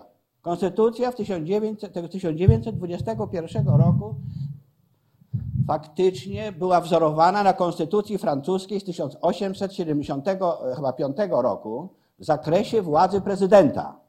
Proszę tam zobaczyć, co tam jest. Niczego nie zmieniono. Prezydent miał bardzo wielkie uprawnienia. Na wniosek powoływał rząd, proszę Państwa. Tam powoływał rząd. Na wniosek oczywiście premiera. Miał prawo rozwiązywania Sejmu i Senatu, odraczania. Tylko, to, tylko zgodnie tam z tradycją francuską, gdzie prezydenci y, uzgadni, przysięgali, że oni nie będą stosować te, tych przepisów, w Polsce to samo było. Tak samo było przestrzegane. Ani prezydent Narutowicz, ani prezydent Wojciechowski nie stosowali tych przepisów, mimo że Piłsudski wielokrotnie się zwracał do niego, do nich, żeby oni stosowali taki przepis, jaki, jaki był, szczególnie jeśli chodzi o utworzenie rządu. A co się stało po zamachu majowym? No, wojsko zajęło Warszawę, wojsko rządzi. Powołany został, chociaż z trudem, prezydent wybrany, prezydent Mościcki. Mościcki się na wszystko zgadzał, prawda? No i on już teraz, i teraz proszę Państwa, konstytucja wchodzi w życie tak, jak ona była zapisana. Nie jak, nie jak to było w, w tradycji, że my tego, my tego się nie wykorzystuje. I oto i Piłsudski wielokrotnie, ja to czytałem wielokrotnie i pisałem, że Piłsudski, proszę Państwa, wielokrotnie namawiał. Co się stało z tym naród, że Piłsudski dwa dni czekał, aż, ażeby przekazać władzę Narutowiczowi. Otóż, proszę Państwa, Narutowicz, yy, zinspirowany przez byłego premiera burmistrza tutaj Łodzi, Leopolda Skurskiego, prawda, uznał, że najlepszym typem, na, osobą na, na premiera będzie pan Antoni Plutyński. Um, to mówiono umiarkowany endek Osoba, która była generalnym komisarzem Polski e, takim w Gdańsku. Prawda? I, i, i, i Piłsudski jak się o tym dowiedział, co Endek będzie premierem, no to proszę Państwa, no to nie oddał władzy e, temu e, e, władzy, powiedział, żeby oddał, a jednocześnie zwołuje, zwołuje, zwołuje Radę Gabinetową, prawda, i domaga się, aby rząd jemu przekazał e, uprawnienia. Co, o co tu chodzi? No? O co tu chodzi, proszę Państwa? Są sprawy bardzo... Panie, profesor, pody- panie profesorze, ale bo, Teraz jeśli chodzi o ocenę. odchodzimy od oceny. Tak? Ocena. Proszę Państwa, ocena jest. System rządów autorytarnych, no to był taki, proszę Państwa, że on polega na tym, że, że głowa państwa, premier, prezydent ma prawo powoływać swój rząd. No. I tak to robiono po zamachu majowym, mimo że tam sanacja miała śladowe ilości posłów w pierwszym Sejmie po zamachu, a później ta ilość tam rosła do 25, tak? Chyba i tak dalej, i tak dalej. Otóż system rządu autorytarny, który był w Austro-Węgier, w Niemczech, w Rosji się pojawił, chociaż bardzo późno, w 1906 roku, polegał na tym, że premier rządu przygotowuje projekty ustaw, ustawodawcze i idzie do Sejmu i szuka większości do ich przeprowadzenia. Czy, czy takich, takich rzeczy nie robiono w Sejmie? Czy Sejm nie chciał, y, wielu posłów, wielu nie chciało, aby ten model w Polsce zaistniał? Jak to nie było? PPS czy inni chcieli poprzeć, chcieli wejść nawet do tego, do tego rządu, może nie, nie wejść, ale chcieli, aby ten rząd był, miał zawsze taką większe poparcie polityczne. Piłsudski do tego nie chciał dopuścić, no wykorzystał tamte pełnomocnictwa i tak dalej, i tak dalej. Moim zdaniem ocena rządów sanacyjnych jest, proszę Państwa, fatalna, fatalna. To nie chodzi, proszę Państwa, o to, że, że, że, mm, prawda, że tam była łago- łagodny był dyktator, no bo on już po prostu był schorowany, zmęczony życiem i tak, nie był w stanie niczego nowego, nowego stworzyć. Był, świetnym taktykiem do bieżącej walki politycznej, natomiast w sensie strategicznym to moim zdaniem Piłsudski nie miał tutaj. W sensie gospodarczym to jest ruina. Polska w 1939 roku z trudem osiąga poziom produkcji z 1913 roku. To, to nie, ja po prostu, ja to, ja to stwierdzam, tak jest. No. Poza okresem, po zamachu majowym, kiedy mamy stosunkowo dobrą koniunkturę i troszkę ta koniunktura jest też po 30, 36, prawda, kiedy tam Kwiatkowski próbuje trochę robić, my po prostu mamy, mamy wiel, wielką tragedię, proszę Państwa. W 1937 roku ukazała się taka książka o wie, wieś w Płockiem. Wieś w powiecie płockim, w 1937 roku. To proszę Państwa, proszę sobie wyobrazić, że tam się okazało, ponieważ tam były walki w 1920 roku, tam część bolszewików poszła na, na i tam były walki, to w 1937 roku duże tereny powiatu płockiego, ludzie mieszkali w ziemiankach jeszcze, proszę Państwa. Bieda była. To jest, to jest tragedia, proszę Państwa, Polski, a my tutaj pomniki próbujemy stawiać, nie wiadomo, nie wiadomo za co. Powstaje pytanie, dlaczego tak, tak się stało? Dlaczego? No, proszę Państwa, nie, nie rozumiano prostej rzeczy, no, prostej rzeczy, że w gospodarce musi być, musi być pieniądz. A jak pieniądza nie ma, to gospodarka się nie rozwija. I to jest rzecz, pieniądz to jest oliwa, no. A nikt w obozie sanacyjnym, y, prawda, nie był takim, który, nawet Grabski, proszę Państwa, tej, na tych ludzi w sensie ekonomicznym, typu Prysto, bo oni byli premierami, byli, no, Sławek, prawda, czy wielu innych, którzy nie mieli przygotowania, nawet Kwiatkowski, który był inżynierem, proszę Państwa. Ja wiem to od profesora Mariana Marka Drozdowskiego. Powiedział on mi tak, jak do, niego, do Kwiatkowskiego przyjeżdżali ludzie tuż przed jego, niedaleko przed jego śmiercią, do Krakowa i mu przynosili, panie premierze, mamy kolejne dla pana publikacje. To raz się Kwiatkowski, prawda, żachnął i powiedział, panowie, ja nie miałem wykształcenia finansowego. No, wreszcie dopiero przyznał, że popełnił tutaj błędy. A co nas tutaj, co nasz marszałek mówił na temat gospodarki? No, wszyscy mówią, że się nie znał ale jednocześnie udzielał bardzo dobrych rad. Róbcie oszczędności, nie wolno wydawać. Jak był wielki kryzys, dzisiaj to jak to jest? W okresie wielkiego okresie kryzysu trzeba dosypać te pieniądze do gospodarki. Oszczędności róbcie, na gorsze, na gorsze. Wszystko na odwrót. Tych ludzi nazywano, proszę Państwa, symulantami gospodarczymi. Symulantami, tak trzeba powiedzieć. Ja tutaj się biorę na odpowiedzialność za takie, za takie słowo. Proszę Państwa, no jak to się dzieje, prawda, że w 1930 roku my tu mówimy wybory brzeskie. Wybory brzeskie to się nam kojarzą, że był proces brzeski, I tam tych 20 czy iluś tam tych ludzi, byłych pre, premiera, y, ministrów, osądzono, skazano, prawda? No oni się bronili, przepraszam. To twórcy zamachu majowego tu powinni siedzieć, a nie, a nie my, bo ich oskarżono, że oni chcą obalić władzę. Panie profesorze, Ale jednocześnie, jednocześnie się- aresztowano w Polsce 6 tysięcy ludzi. Troszkę- Sześć, troszkę- bez, bez wyroku sądowego. Musimy się I, to, troszkę- I o tym musimy Troszkę wiedzieć. skracać, bo jeszcze chciałem, żeby pan profesor Dudek też dokonał oceny rządów pomajowych. Ja tylko krótko, e, bo pan profesor wystawił ostrą taką radykalną, e, e, negatywną laurkę rządom pomajowym. Ja, ja, I idę samemu Piłsudskiemu.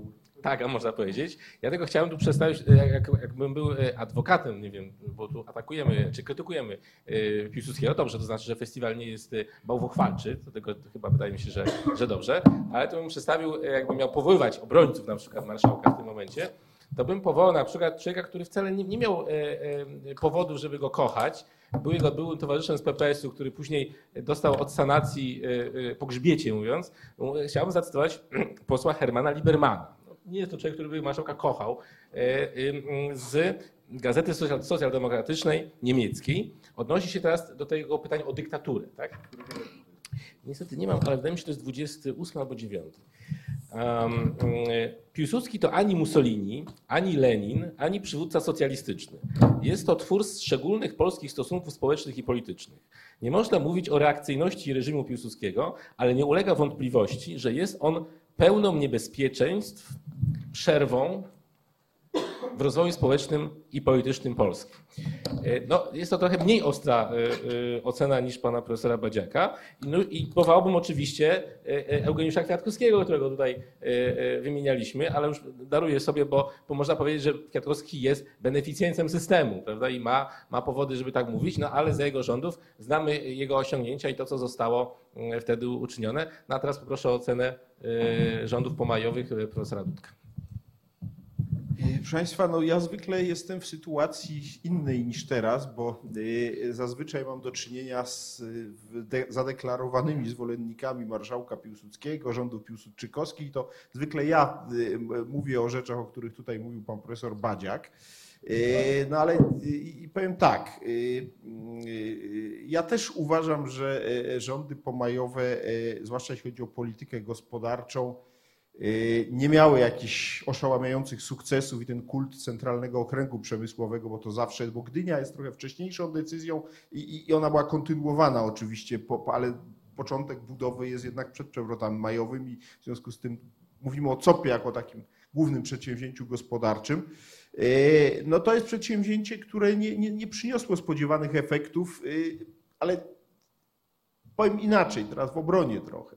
Znaczy ja uważam, że e, po prostu Polska e, była biednym krajem i niezależnie od tego, czy by nie urządził Piłsudski, Dmowski czy ktokolwiek inny, to tych pieniędzy by nagle nie przybyło. Co oczywiście nie znaczy, że nie można było pewnych rzeczy próbować rozwiązać inaczej, niż to robili Piłsudczycy. Natomiast e, no, z całą pewnością nie stalibyśmy się w ciągu tak krótkiego okresu, jaki był dany Polsce do roku 1939 jakąś gospodarczą potęgą, bo jednak Polska była zniszczona przez pierwszą wojnę światową. Pan profesor mówi o tym 1913 roku, no wtedy Polski nie było, mówi o ziemiach polskich, dochodzie narodowym z tych obszarów, e, które później weszły w skład II Rzeczpospolitej. Pamiętajmy, że my pamiętamy głównie o II wojnie światowej, potwornych zniszczeniach, ale co tu kryć, pierwsza wojna światowa też się wiązała ze sporymi spustoszeniami i plus proszę pamiętać konieczności scalenia trzech kompletnie różnych organizmów gospodarczych, e, e, jakimi były trzy, trzy, trzy dawne zabory, które e, trzeba było. Więc tutaj obciążenia były bardzo duże. E, I, I w moim przekonaniu e, tutaj naprawdę sporo zrobiono. Natomiast oczywiście nie należy też popadać właśnie w taki entuzjazm, e, e, jak to się czasem zdarza, że COP, Gdynia i w ogóle, a teraz to jest fatalna polityka gospodarcza, mówię o trzeciej RPA, wtedy to Polska miodem i mlekiem płynęła pod rządami marszałka jego współpracowników, bo takimi też się ocenami spotykam. To oczywiście głupota, bo ta bieda, o której mówi pan profesor e, Badziak, była faktem. Rzeczywiście e, Piłsudczycy nie rozwiązywali i głównego problemu społecznego, jaki wtedy istniał, czyli głodu ziemi. Ta reforma rolna wprawdzie była kontynuowana, ale jak kiedyś jest takie zdanie Piłsudskiego, które sobie przypominam, chyba nawet gdzieś tu je mogę zacytować e, dosłownie, bo ono jest bardzo charakterystyczne, to ono brzmiało, y, ono brzmiało następująco. Y, Ach, to mówi Piłsudski, ach nasz chłop cierpliwy, reforma rolna to rzecz nieważna, to rzecz bez znaczenia, może długo czekać.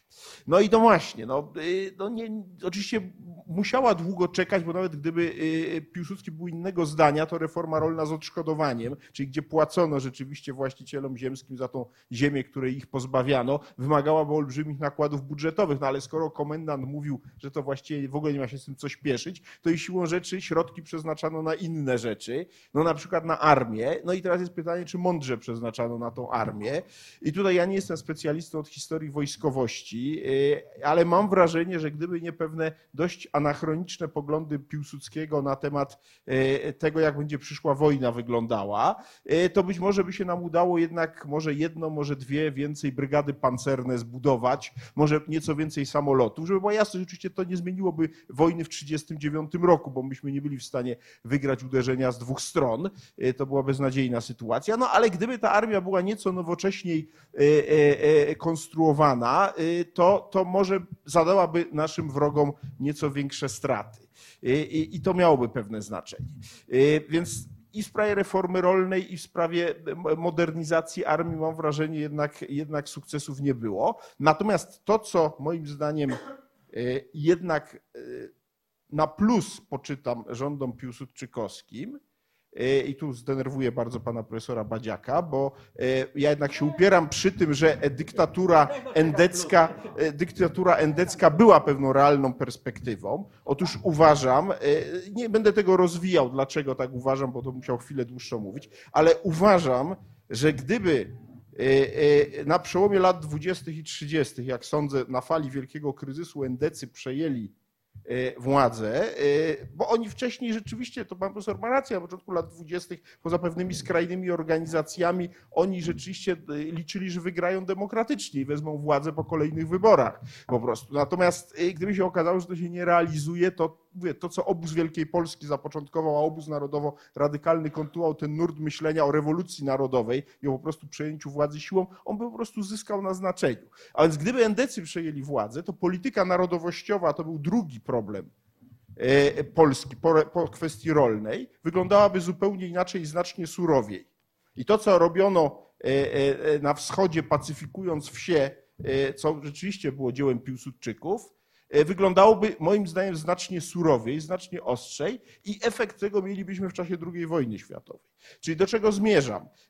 Że najkrócej mówiąc, Piłsudczycy przy wszystkich błędach, jakie popełnili w polityce narodowościowej, moim zdaniem i tak mieli w tej sprawie rozsądniejsze pomysły od tych, które miała narodowa demokracja, która miała prosty program polonizować po prostu i koniec.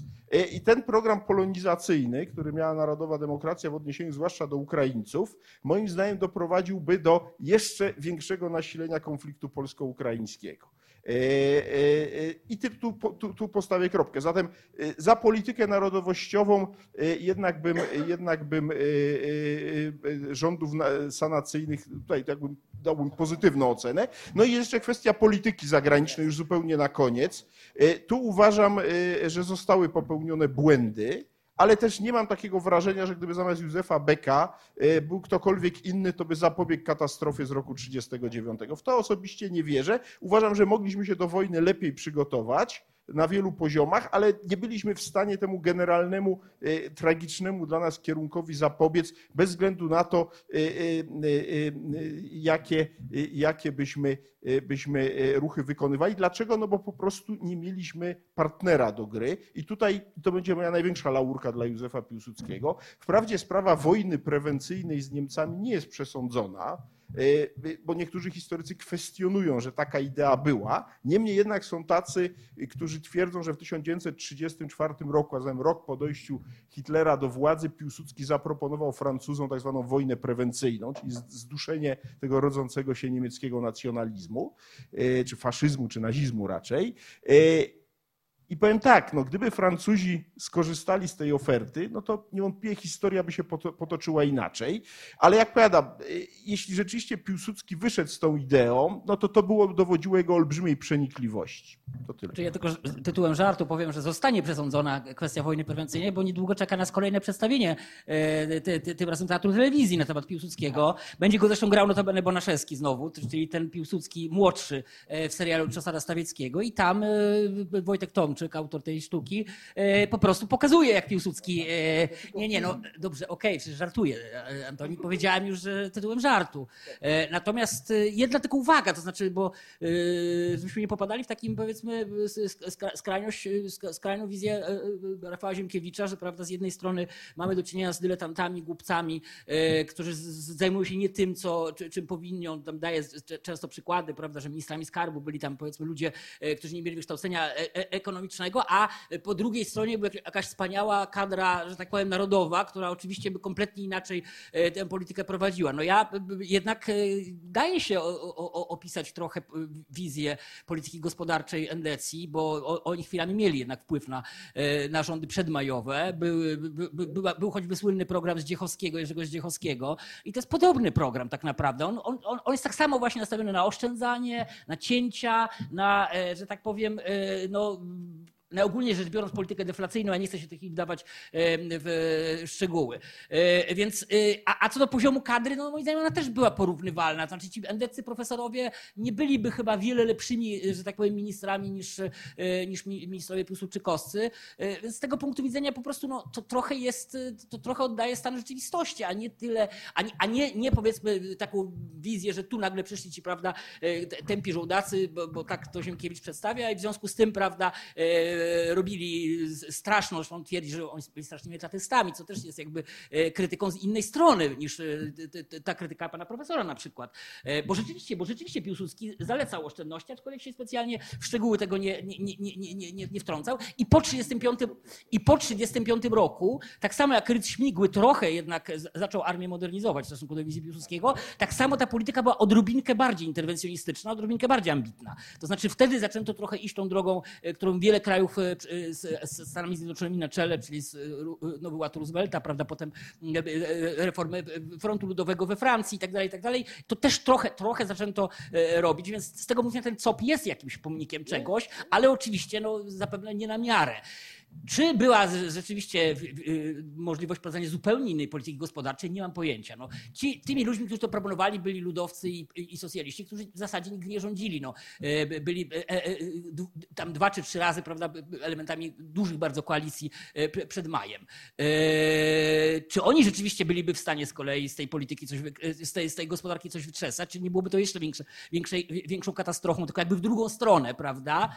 Nie mam pojęcia, mówiąc szczerze. No, nie, nie przetestowaliśmy tego tego. Ta polityka była zbyt ostrożna, moim zdaniem, natomiast no, powiedziałbym w ten sposób, no, nie bardzo, to, to przerastało wyobraźnię, to znaczy to, bo, bo, bo jak się czyta dokumenty socjalistyczne czy, czy, czy, czy, czy ludowe, no to to z kolei są takie, powiedziałbym, bardzo, bardzo kategoryczne komunikaty, ale głównie, ale, ale, tam, ale tam nie ma programu, to znaczy to nie jest program, to jest, to jest zbiór pewnych haseł. No być może oczywiście oni by ten program zaczęli realizować e, w, bogatszych krajach, prawda, no we Francji na przykład pewnym Blum zaczął realizować program e, kompletnie inny niż wcześniej Francja e, przez dziesiątki lat miała, ale czy to byłoby w Polsce możliwe, czy nie doprowadziłoby to do innego typu zaburzeń na dużą skalę? Nie wiem. No, ten Poniatowski, mimo że Piłsudski mówił to, co mówił o reformie rolnej, no, trochę parcelował i nawet znowu, i znowu pod koniec lat 30. nawet więcej.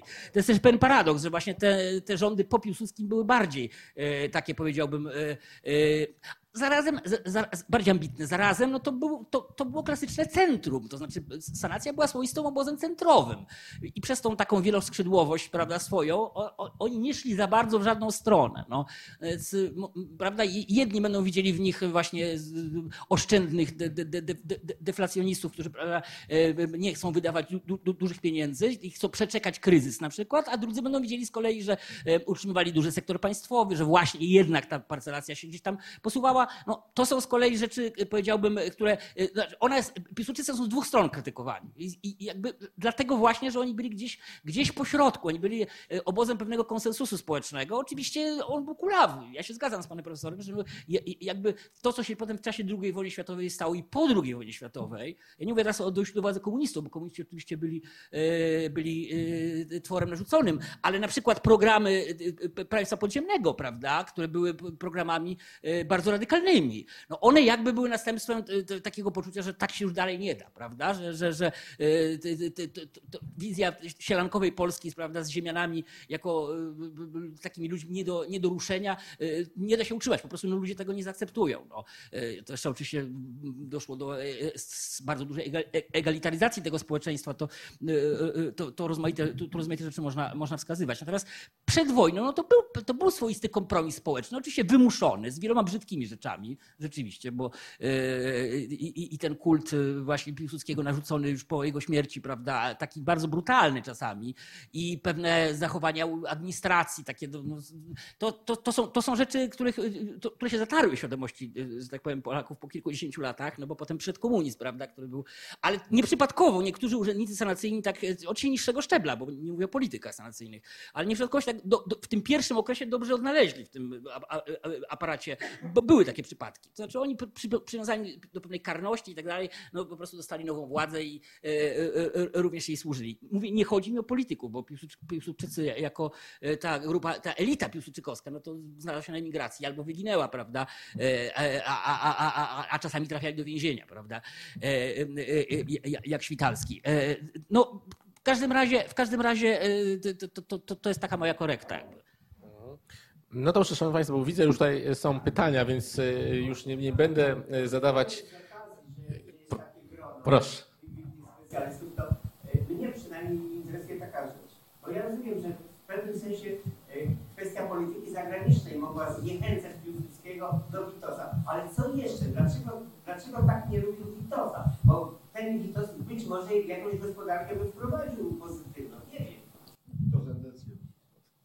Odpowiedź jest bardzo prosta. No, Witosa nie lubił, bo Witos lubił endecję. No, jednak dwie rządy Hienopiasta po prostu, a dla endecja była dla Piłsudskiego wrogiem numer jeden. Więc sojusznik wroga numer jeden nie może być mile widziany. No a później po przewrocie majowym, moim zdaniem, do końca nie rozumiem, dlaczego Witosa uwięziono w Brześciu. Moim zdaniem on tam nie był jakąś główną postacią, e, ale no najwyraźniej Piłsudski miał go już na swojej liście jako e, człowieka, którego trzeba upokorzyć, bo rzeczywiście trzykrotnego premiera tak potraktować. Z drugiej strony pozwolono mu uciec do tej Czechosłowacji, więc, no więc właśnie. Dobrze, pytania, tak? Proszę bardzo. Ja chciałem się zapytać taką rzecz.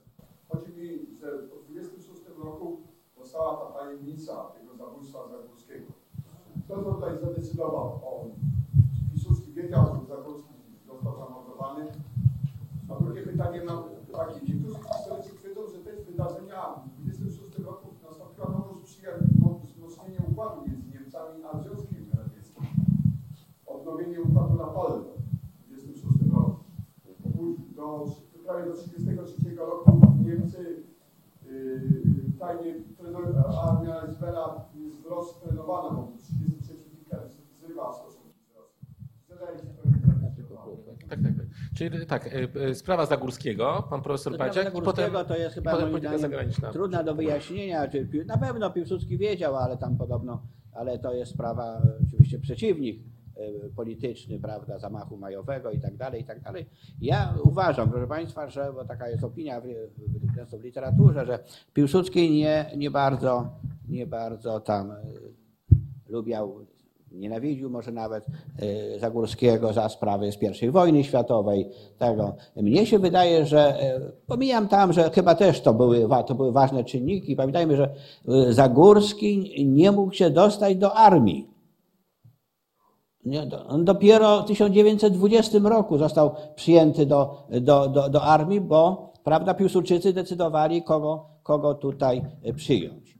Ale ten, ten Zagórski, proszę Państwa, odegrał szczególną rolę. Mianowicie, Zagórski był, został, no my tutaj często mówimy, jak to się stało, że, że, że taki, była tutaj o armia ochotnicza się pojawiła, prawda, na, fragment był na tym, na filmie, prawda, no, a tu nie podano, że kto dowodził armią ochotniczą, kto ją tworzył, prawda, że ją tworzył generał Józef Haller, prawda, też osoba nie- nielubiana, wręcz nienawidzona przez marszałka Piłsudskiego. Jak to się stało, że ten, że ten Haller się w końcu znalazł, prawda, jako, no, tu, no tutaj, bo tutaj się nie wyjaśnia. Otóż problem polega na tym, y, krótko powiem, że po prostu y, chodzi o tak zwane, że w XIX i XX roku był podział. Piłsudski wydawał dekrety wojskowe na, na ziemiach wschodnich, a marszałek, e, minister spraw wewnętrznych, prawda, spraw wojskowych wydawał dekrety do Bugu, prawda, do Bugu. I on właśnie w momencie, kiedy się armia polska cofa, to minister spraw wojskowych, generał Leśniewski, wydaje dekrety o powołaniu armii ochotniczej, o powołaniu i tak dalej. To Piłsudski później zwalczał. To Piłsudski zwalczał. Otóż, proszę Państwa, pułkownik Zagórski został szefem sztabu frontu północnego. No, wcześniej miał inną nazwę. I ten generał, pułkownik Zagórski, proszę Państwa, on się szybko zorientował się, że to wszystko, co było ustalone, to co Piłsudski forsował, że Sowieci uderzą na Warszawę, prawda, i tutaj no, kazał ściągnąć pierwszą armię, prawda, na przedmoście Warszawy, to wszystko nie ma, nie jest prawdziwe, dlatego Sowieci większością sił obchodzą Warszawę, prawda, i kierując się, prawda, tam na Modli, na czwarta armia dotarła do, do Włocławka. I gen- pułkownik Zagórski, proszę Państwa, wymusił wręcz na Halerze, później na Rozwadowskim, aby podjęto przyspieszoną uderzenie piątej armii generała Sikorskiego, że krzycząc, że jeśli ta piąta armia zostanie przyparta do Wisły, to ona nie, nie, nie odegra takiej roli, jaką powinna, powinna odegrać, że właśnie będzie przegrane, przegramy. No.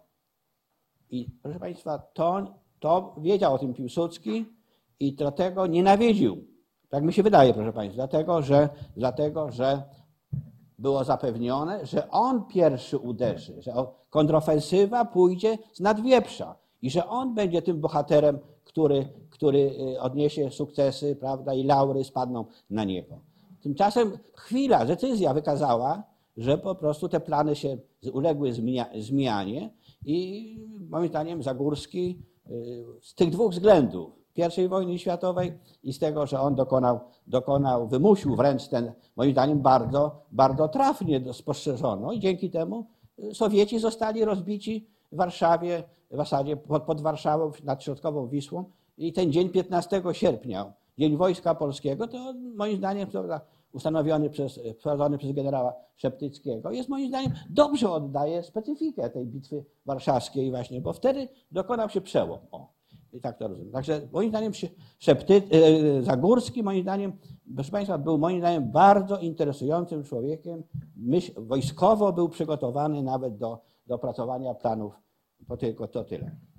Dobrze, czy w sprawie generała Zagórskiego rozumiem, że, y, że nie. To jeszcze jest to pytanie drugie na temat y, y, jakby powodu też do zamachu, że Piłsudski uważał, że polityka zagraniczna jest źle prowadzona, dochodzi do sojuszu ściślejszego współdziałania Związku Radzieckiego z Republiką Weimarską i on przejmuje ster, żeby, żeby tą politykę poprowadzić lepiej. Jaka tu jest ocena? Znaczy, ja powiem tak, no, to jest raczej takie myślenie post factum, bo Polska nie miała żadnej możliwości, żeby zablokować rozwój e, relacji niemiecko-sowieckich. E, Więc e, tutaj czego byśmy nie robili, to tak naprawdę nie, byliśmy w stanie nie byliśmy w stanie tego, tego, tego sojuszu, który się zaczął rysować już od Rapallo w 22 roku mu zapobiec. Mogliśmy tutaj szukać sojuszników, no i szukaliśmy, bo podpisano układy z Francją, z Rumunią. Natomiast y, y, y, ja bym nie szukał tutaj usprawiedliwienia, bo jest takie często usprawiedliwienie, że właśnie trzeba było ustawić tą silną władzę, żeby stawić czoła e, no, zagrożeniom. No ale wiemy, że w 1939 roku stawiliśmy tego czoła na tyle, na ile to było możliwe i, i nic to nie pomogło. No. Niektórzy wierzyli, są taki kult Piłsudskiego w Polsce był tak daleko posunięty, że niektórzy uważali, że gdyby marszałek dożył 1939 roku, to swoim geniuszem by nas obronił. No nie obroniłby nas, E, a dowodem, jakim na to przedstawiano, było to, że, że Niemcy kazali postawić wartę honorową na Wawelu przy grobie Piłsudskiego. No, no to jest absurdalne myślenie. No. E, Po prostu e, e, Piłsudskiemu groziło co innego w ogóle, a mianowicie, że mógłby się znaleźć w sytuacji marszałka Petena,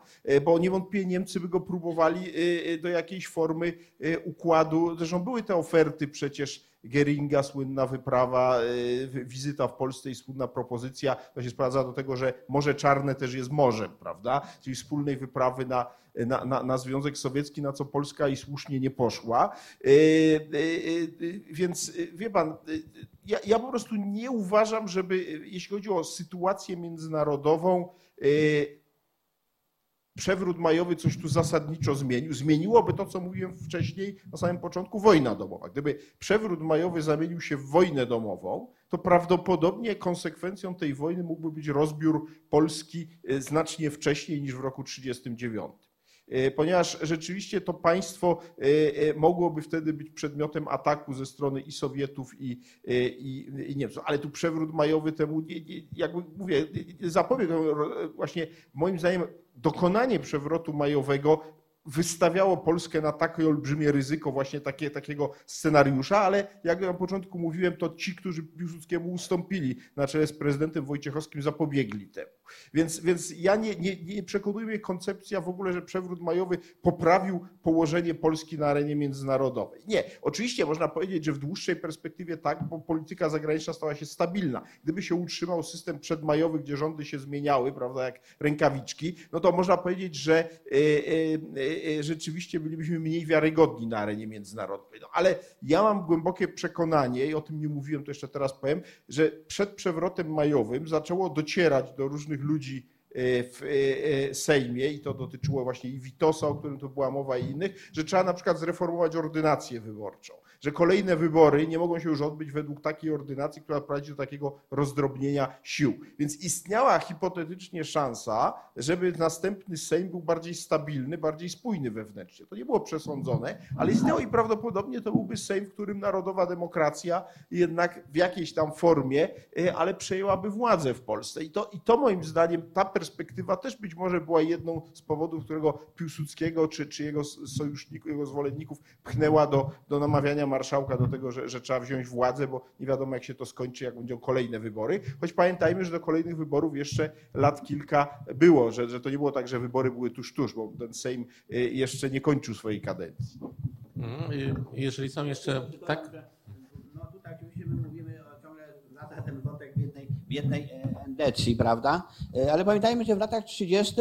głównym przeciwnikiem obozu sanacyjnego jest ruch ludowy, prawda? Tym bardziej, szczególnie jak się, jak się zjednoczył i materiały wskazują, proszę Państwa, że, że, tak, że tak było. Przynajmniej naj, był, był silny w sensie ilości posłów i tak dalej, i tak dalej. To jest taki moim zdaniem wątek bardzo, bardzo tutaj, no 1938, 1939 roku mamy takie wypowiedzi na temat polityki, polskiej polityki zagranicznej. Beck nawet głosił taką tezę, że przyjechali dziennikarze amerykańscy i mówią, panie, panie ministrze, no tutaj coś się szykuje na świecie, prawda? są rozmowy w Moskwie, prawda? co wy tu zrobicie, prawda? No, Beck tłumaczy w sposób następujący, no my jesteśmy narodem bardzo pokojowym. I my nie spodziewamy się, że na, na, taki naród, że na takie państwo ktoś, ktokolwiek. Oczywiście to można to tłumaczyć, że to, że, że to nie chcą, nie chcą, Polacy nie chcą wchodzić do gry i tak dalej, i tak dalej, ale w dużym stopniu to przypomina takie tłumaczenie szlachty, prawda, że jesteśmy państwem słabym, nikt na, na nas nie, nie, na, nie napadnie. Ja myślę, że to jest bezradność po prostu, bezradność tej, tej ekipy, która nie miała się, proszę Państwa, czym, czym tutaj pochwalić. Ja to podam taki pewien szczegół. W 1937 roku Polska wykupiła, władze polskie wykupiły, władze rządowe wykupiły taki koncert Wspólnota Interesów na, na, na, na, na, na, na Górnym Śląsku, prawda, taką niemie, niemiecką. Zapłacono, proszę Państwa, 80 milionów złotych za to. 70-80, tak nie, nie pamiętam.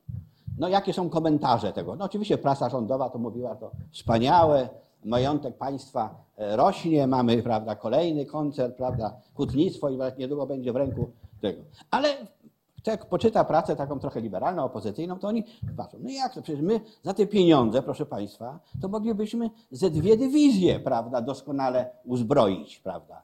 A jeśli nie, no to przynajmniej utworzyć jakieś, jakieś formacje pancerne czy coś. No, no, ja uważam, że to jest, to jest pytanie, no, ludzie się pytają, no jak to się stało? Pieniądze idą na wojsko, 40% budżetu państwa idzie na wojsko, a my nie mamy, a nie mamy zapasów dla wojska. No. Sprzedajemy co możemy, prawda? No, ja, no jak to się stało? No? Prawda?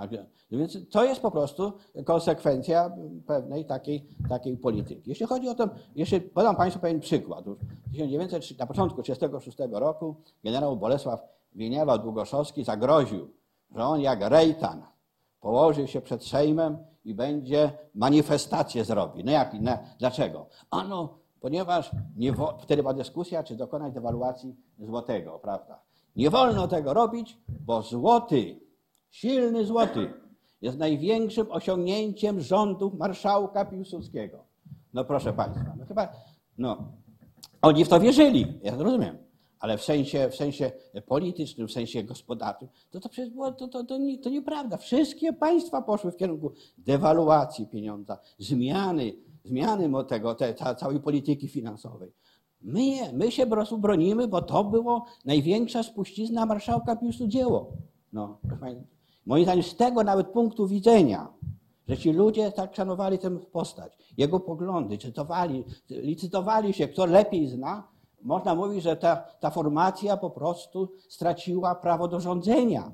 To jest, no, jeśli Piłsudski jest człowiekiem schorowanym, prawda, i nie podejmuje żadnych decyzji, no to w latach 30., proszę Państwa, co się dzieje w Polsce? Wszyscy ministrowie boją się podejmować decyzji gospodarczych, społecznych, bo nie wiedzą, jak ten najwyższy czynnik zareaguje, prawda? Czy czasem nie, w odstawkę nie pójdą, prawda? Więc to był dramat Polski lat 30., prawda? I, i ym, prawda, zmiana ordynacji wyborczej, dokonana wraz z konstytucją, prawda, no, do, do, była ustawa, to polegała na tym, że sanacja by po prostu demokratyczne wybory przegrała. No nie oszukujmy się, no to jest, to jest proszę Państwa takie stwierdzenie. No i tak. I tym się chyba trzeba pogodzić. No. Y, Dobrze, jak są kolejne pytania, to proszę po- podnosić ręce. Ja tylko teraz na chwilkę krótko pozwolę sobie zabrać głos w sprawie tej polityki zagranicznej. Powiem tylko trzy zdania, bo ja bym powrócił do tego, co powiedział e, profesor Dudek o, o e, wojnie prewencyjnej. E, I o tym, bo tutaj e, w ustach profesora Baciaka trochę zaczęła taka, e, taka teza o posponowaniu Beka i jego polityki. I to mi tak przypomina znaną teraz, znane argumenty wymienionego tutaj przez profesora Zarębę Rafała Ziemkiewicza, między innymi w książce Jakie piękne samobójstwo, że ten Beck był szalo, szalony i prowadził nas ku jakiejś katastrofie. No, ja, drodzy Państwa, ja nie jestem wielkim zwolennikiem polityki Józefa Becka, ale tutaj jak słyszę takie mm, tego typu argumentacje, to ja, to ja bardzo chcę bronić pułkownika Becka, lecz nie jest moim e, faworytem. Wydaje mi się, że polityka, którą prowadził Beck w latach 30. do końca była jedyną optymalną polityką, jaką można było e, prowadzić. E, Dwa, wojna prewencyjna. Ja oczywiście też nie jestem jakby ekspertem polityki zagranicznej II Rzeczpospolitej, ale opieram swoją e, argumentację chociażby o książkę Jana Karskiego Wielkie mocarstwo wobec Polski, gdzie on w rozdziale poświęconej wojnie prewencyjnej przytacza słowa dyplomatów francuskich i brytyjskich, udowadniających, że faktycznie ta oferta, rzeczywiście pod stołem, zakulisowo, mocno zakamuflowana była. Jeżeli, to, jeżeli tak jest, no to faktycznie Piłsudski załatwiał tam w tym momencie dwie sprawy. Pierwszą sprawę, że faktycznie za- zakładał, że trzecia Rzesza może być e, niebezpieczna i jeżeli by to się udało, to faktycznie tu się zgadzam z profesorem Dudkiem, historia potoczyłaby się inaczej. Dwa, testował realność polityki francuskiej. Ta realność polityki francuskiej okazała, e, znaczy polityka francuska oblała ten, ten test, stąd później Piłsudski e, ustami rękami Beka próbuje wyjść z tego klincza, e, e, dogadując się ze Związkiem Radzieckim III Rzeszą, próbuje z tego e, prowadzić jakąś inną poli- e, politykę. Dlatego, że rok 34, bo pamię- pamiętajmy, to jest styczeń 34. Tak? Propozycje są jeszcze wcześniejsze, z grudnia 33, jak już, jak już Hitler jest, jest e, u władzy, a, a e, podpisanie paktu jest późniejsze. Więc jakby ta, ta, ta, ta hipoteza jest bardziej uprawomocniona, że on po prostu próbuje wyjść z tego. I, i trzecia rzecz, nie wiemy, jakby się oczywiście rozpotyczył, gdyby Piłsudski żył. Jest ta supozycja profesora e, Jerzego Łojka na przykład e, o Piłsudskim, który żyje, ma 72, lat, 72 lata i nie jest tak schorowany, jaki był rzeczywiście podejmuje e, decyzje. I nie wiemy, czy to byłaby wedle marzeń Piotra Zychowicza sojusz z III Rzeszą. Równie dobrze, a Piłsudski był znany z różnych wolt, politycznych, m- mogłaby być realną. Dyskutowaliśmy tutaj e, trzy tygodnie czy cztery tygodnie temu o polityce zagranicznej, szczególnie o polityce zagranicznej, tylko o polityce zagranicznej Piłsudskiego. Równie realną była Volta, która by przekreślała albo uprzedzała Monachium. Możemy sobie to wyobrazić. I przekreślenie Monachium i przekreślenie antagonizmu polsko-czechosłowackiego mogło być realnym e, argumentem w tej grze. Jeżeli już tak gdybamy i Piotr Zychowicz buduje taką alternatywę, dlaczego nie możemy przemyśleć takiej alternatywy?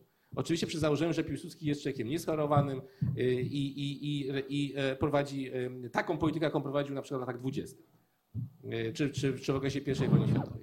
To tylko, no ja domyślam się, panie profesorze. Moim zdaniem sprawa jest bardzo trudna, do, do, trzeba badać jeszcze ją, ale oczywiście jest taki problem polegający na tym, że są sugestie wskazujące, że Polska zawarła pakt o nieagresji ze Związkiem Radzieckim i pakt o nieagresji z Niemcami. I Przy czym stroną, stroną inicjującą nie była wcale Polska, tylko był Związek Radziecki i, i Niemcy, prawda? I tak, tak, tak było. No, oczywiście tak było i w związku z tym ta, ta, ta, ta, ta wolta zwana taką, on, jak, e, prawda, e, związana z, ofertą wobec, wobec, wobec Francji, moim zdaniem ona miała po prostu e, przykryć to wszystko, co było związane z zgodą Piłsudskiego na, na podjęcie rozmów z Niemcami. Y, Teraz tak, y, ja zaraz jeszcze oddam głos, ale jeszcze jak ktoś inny jeszcze nie zadawał pytania, proszę bardzo. Zamiast pytania może na początek kilka sprostowań do stwierdzeń, szczególnie pana profesora Badziaka, bo y, Konstytucja marcowa wcale nie dawała silnej prezydentury prezydentowi. I Konstytucja Republiki Francuskiej również nakładała jakby na Sejm i rząd kwestię sprawowania władzy. Prezydent był figurantem. I ten model rzeczywiście przeniesiono na Polskę. Y, Kodeks Ale Tagancewa niech był pan kodeksem- przeczyta konstytucję, pan zobaczy. Ale nie wchodźmy w to Znam, słowo. znam, panie Nie, nie, nie wchodźmy w słowo. Kodeks Tagancewa był kodeksem rosyjskim i jakby za zamach stanu przewidywano karę śmierci. Nie 15 lat ciężkich więzień, y, a karę śmierci. I nie wprowadzono tego wcale w styczniu 19 roku, bo wtedy nie było Sejmu nawet, więc nie bardzo miał kto wprowadzić, a to był zapis przeniesiony- przeniesiony, przeniesiony żywcem, że tak powiem, z y, ko- kodeksu rosyjskiego, obowiązującego w Polsce chyba od 1906 roku, gdzie na terenie dawnego zaboru rosyjskiego tylko ten kodeks zresztą obowiązywał, bo każda z y, ziem zaborczych miała swój y, odpowiadający jakby zaborcy y, kodeks karny. Natomiast przewinęło się tutaj kilka y, kwestii związanych z, zmierzam do pytania, y, związanych z przyczynami, dla których do tego, do wydarzeń majowych w 1926 roku doszło. Była mowa o chociażby kwestiach organizacji naczelnych władz wojskowych, to zgoda. Natomiast jakby w ogóle nie poruszono tutaj w ciągu dzisiejszego spotkania kwestii y, tego, co stało się później głównym hasłem obozu Piłsudskiego, czyli sanacji moralnej. Y, Jeżeli poczytamy sobie wspomnienia sekretarza Wincentego Witosa z okresu maja 26 roku, i, który dość szczegółowo opisuje kwestię zawiązania koalicji między ludowcami, Endecją i tak dalej, to nie znajdziemy tam nawet pół słowa na temat tego, jak miał wyglądać program tego. Natomiast bardzo szczegółowo opisane są wszelkie targi zmierzające do tego, kto ma obsadzić jakie stanowisko. I ta obsada stanu normalna, ale panie profesorze, jeżeli, że tak powiem, się y, zapowiada wielka koalicja centroprawicowa, która ma przynieść Polsce jakby dobrobyt, no to rozmawia się w pierwszej kolejności o programie, jak to ma się odbyć, a nie o tym, kto ma być ministrem, kto wiceministrem i tak dalej. Y, Ale jakby do czego zmierzam? Ale Oprócz mieli, mieli większość sejmową? Mieli. Mieli, no o co panu chodzi? No. No, o to, że nie było programu, który mieli Pan nie realizować. podważa, bo te rzeczy... Rządzili, zdoby, chcieli przejąć władzę dla zdobycia władzy i utrzymania całego schematu i systemu biznesu, które były kręcone przez ówczesnych posłów, ministrów itd., itd. O czym zresztą wtedy prasa znakomicie e, informowała. Jest cała masa, e, że tak powiem, dowodów na to, że posłowie, ministrowie e, że posłowie ministrowie wykorzystywali swoje stanowiska do załatwiania prywatnych spraw, prawda? I ta sanacja moralna jakby była jednym z haseł, na których poseł marszałka przejmował władzę. I zdobył również dzięki temu poparcie społeczne, bo ludzie mieli już po prostu też w jakimś stopniu dość tego, o czym było powszechnie wiadomo. Może prasa była wtedy mniej dostępna, może nie było internetu, ale o pewnych rzeczach ludzie jednak wiedzieli, stąd jakby ten czynnik niezadowolenia społecznego również w jakimś stopniu należy się brać pod uwagę jako przyczynę y, tego, co w maju 26 roku się zdarzyło. Okej, czyli Ja jest, odpowiem panie krótko, profesorze, krótko. sekundkę, ja zaraz oddam głos na pewno. To, to jest tylko, żeby w Ja formie... tylko odpowiem jednej kwestii. E, Panie, pana, panie profesorze, tylko po, sekundę. po, po zamachu majowym została powołana Komisja Nadzwyczajna do walki z nadużyciami i innymi tam, prawda, nieprawidłowościami, prawda. no, jaki był wynik tej komisji, to niech pan zaprezentuje. No. W zasadzie niczego nie udowodniono. Poza pewnym, pewnym generałem, prawda, który, który później wyjechał z Polski i prawda. No, Żmierz. no, mówimy o, no, no o czym pan mówi w ogóle? Jakie nieprawidłowości były? Komisja badała, proszę pana, śledziła pewne rzeczy. No. Nawet Siko, Grabski był oskarżany, było o monopol. O, no, możemy się spotkać, Dobrze, ja, jednak, ja bym jednak jeszcze tak nie, nie, nie zakopywał tego pytania o tą sanację, bo to jest ciekawe z punktu widzenia też takiej logiki politycznej, za jakimi, z jakimi sztandarami szła sanacja i głosiła ją. No więc ja mam mniej optymistyczną wizję tej przedmajowej Polski od profesora Badziaka, no bo jednak były afery. Była afera Dojlicka, była afera Żyrardowska i jeszcze parę innych, których w tej chwili nie pamiętam. Tylko jest pytanie, czy rzeczywiście nastąpiła taka olbrzymia sanacja moralna po maju. No bo rzeczywiście Piłsudski był człowiekiem bardzo skromnym, jak na możliwości, które mógł, mógł mieć, y, czego dowodem są inni y, y, rządzący wówczas autorytarnie, nie korzystał z tego. Natomiast czy nie było różnego rodzaju afer?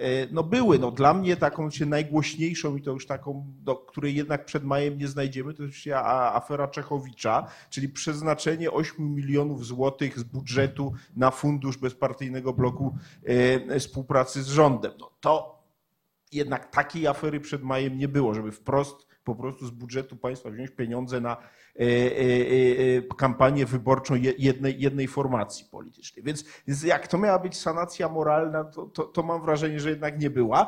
Bo, bo, ale z czego się to brało? No, oczywiście z przekonania Piłsudskiego, że to on wyznacza standardy, prawda? I że BBWR jest dobry dla Polski, więc budżet musi ten BBWR wesprzeć, prawda? E, Przecież to była jego osobista decyzja. E, Więc, e, więc oczywiście tutaj nie wziął tych pieniędzy do, do kieszeni, prawda? Ani on, ani nikt inny. Natomiast zna pan pojęcie czwartej brygady. No ono się z czegoś wzięło, prawda? Nagle się okazało, bo widzi pan, bo władza autorytarna, każda władza przyciąga, ale władza autorytarna przyciąga w dwójnasób, bo tam jest poczucie większej bezkarności. Władza demokratyczna e, jednak ma to do siebie, że jest czasowo określona, prawda? Po kilku latach są wybory i można władzę stracić i trzeba się wytłumaczyć z tego, co się przez poprzednie cztery lata robiło. Przy władzy autorytarnej można mieć nadzieję, że ona potrwa długie, długie lata i siłą rzeczy ja, ja, nie mam żadnych twardych wskaźników korupcji. I y, nie potrafię powiedzieć, czy w 22 korupcja była znacząco wyższa czy niższa od tej z 32 roku. Ja tylko wiem, że nieprawidłowości były i przed i po przewrocie majowym. W związku z tym to hasło sanacji moralnej było bardziej propagandowe niż moim zdaniem realnie y, pewne rzeczy y, zdrobiono, choć oczywiście na przykład wprowadzono nowelą sierpniową ten słynny punkt o, o tym, że poseł nie może być prawa udziałowcem i tak dalej. Więc tam oczywiście formalne pewne takie rygorystyczne zapisy zostały wprowadzone i tu zgoda. No ale powiedzmy sobie jasno, generalnie po przewrocie majowym rola Sejmu y, była coraz mniejsza, bo, bo to była istota myślenia Piłsudskiego o państwie, żeby ową sejmokrację ograniczyć. Natomiast rola urzędników w ministerstwach moim zdaniem dalej była spora i mam wrażenie, jakbyśmy tam poskrobali w latach 30., kiedy jednak kwitł ten etatyzm, kwitły in- inwestycje państwowe, to byśmy się różnych rzeczy doszukali, y, choć jak mówię, to nie jest moja specjalność, ale w każdym razie ja nie wierzę po prostu w jakąś radykalną odnowę moralną po, po, po, po, po przewrocie majowym. Dobrze, e, pytanie tak, ale to zanim jeszcze może ktoś po prostu inny jeszcze chciałby zadać, rozglądam się. E, Pan profesor pytanie, nie chcę... Krótko zdanie tylko powiem. Otóż e, e, marszałek, prezydent Mościcki się szczycił, że on wymyślił, wymyślił na, na temat Piłsudskiego takie dwie, tak, tak ocenił jego działalność, że Piłsudski to jest wielki, wielki budownik, pisany dużymi literami, wielki budowniczy i drugie to jest wielki nauczyciel. Otóż w tym, tej drugiej części, wielki nauczyciel, kryje się właśnie to wszystko, co tutaj zostało wymienione o, o, moralności, prawda? To wielkie słowo, to moralność to taka jakaś nowa wiara, prawda? No pamiętajmy, że Piłsudski wyszedł tam gdzieś z obozu socjalistycznego, a, a socjalizm to taka trochę, w cudzysłowie oczywiście, nowa, nowa wiara, gdzie moralność, y, no, jest bardzo, bardzo wysoka tutaj, szczególnie jeśli chodzi o, o krzywdę społeczną, prawda, trzeba to naprawiać, prawda, to to u Piłsudskiego było, było takie silne i czytelne, chociaż był człowiekiem moim zdaniem bardzo, bardzo elastycznym i, i odszedł dawno od, od socjalizmu, był osobą praktyczną i, i wiele mu tu rzeczy przypisywano, co, co do których miał moim zdaniem bardzo krytyczny stosunek. Dobrze, to ja jeszcze jednak, e, to tak, e, tylko mam nadzieję, że krótkie pytanie, bo ja chcę dać jeszcze jedno generalne. Bo, bo tu różne wody się krzyżują, a ja korzystając z tego, że Państwo są, no, to chciałem się coś dowiedzieć. I, i, i tak, bo się wątki przeplatają różne, wojenne i tak dalej. Tak, y, dla mnie Piłsudski jednak był wizjonerem, który, który patrzył troszkę do przodu i na przykład i, i ta jego wizja ostatnia, bardzo smutna, że jego już nie będzie i Polska się nie obroni. No, ale teraz chodzi o nie o co. To, bo Piłsudski jeden był tym wizjonerem, a ci Piłsudczycy jednak y, no, nie dorównywali mu. Bo tam, według mnie taki przykład. Y, Beck, y, nie wiem czy popełnił, bo, bo na przykład Hart kiedyś, doradca y, rządu angielskiego, nie dał gwarancji Polsce, był przeciwko. Ale tam był taki wątek, że żeby Polska, żeby, żeby zawrzeć sojusz bliższy z Rumunią. I Beck jakby to odrzucił, z tego co ja wiem. Natomiast y, na przykład Śmigły Ryc wydał rozkaz, który dla mnie był beznadziejny, nie walczyć z Sowietami, chyba że zaatakują. I gdyby Piłsudski żył, to jednak uważam, że zupełnie inaczej by sprawa wyglądała, zakładając, że, że byłby w miarę sprawny. Y, Nie byłby taki chory. Więc, więc, ta wojna chyba by troszeczkę jednak inaczej wyglądała. Nie znaczy, żebyśmy wygrali. Ale co by dało, żeby wydał rozkaz walki z Armią Czerwoną? Co by to zmieniło? E, Zmieniło Jeśli żywy. Ale co? Zmieniło Ale co, pan sądzi, że byliśmy w na stanie... świecie nawet. Ale pan sądzi, że byliśmy się w stanie przeciwstawić po 17 atakuje. Ale dobrze, a czy pan sądzi, że po 17 września byliśmy się w stanie realnie przeciwstawić Armii Czerwonej?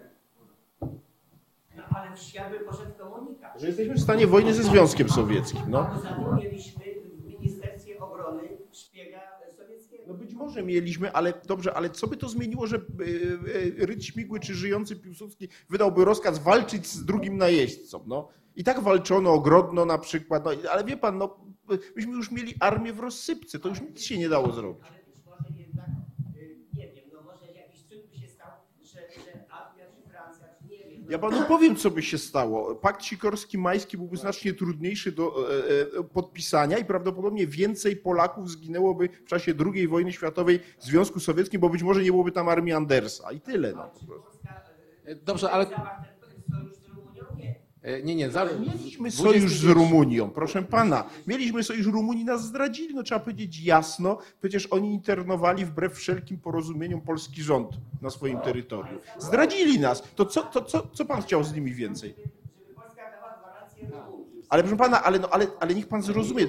Co, proszę pana, gwarancje rumuńskie miałyby, dla Rumunii miałyby sens, gdyby Rumunię zaatakował Związek Sowiecki i wtedy być może my byśmy Rumunom pomogli i rząd rumuński na, uciekając na nasze terytorium być może nie byłby internowany. Ale proszę pana, nas zaatakowali Niemcy.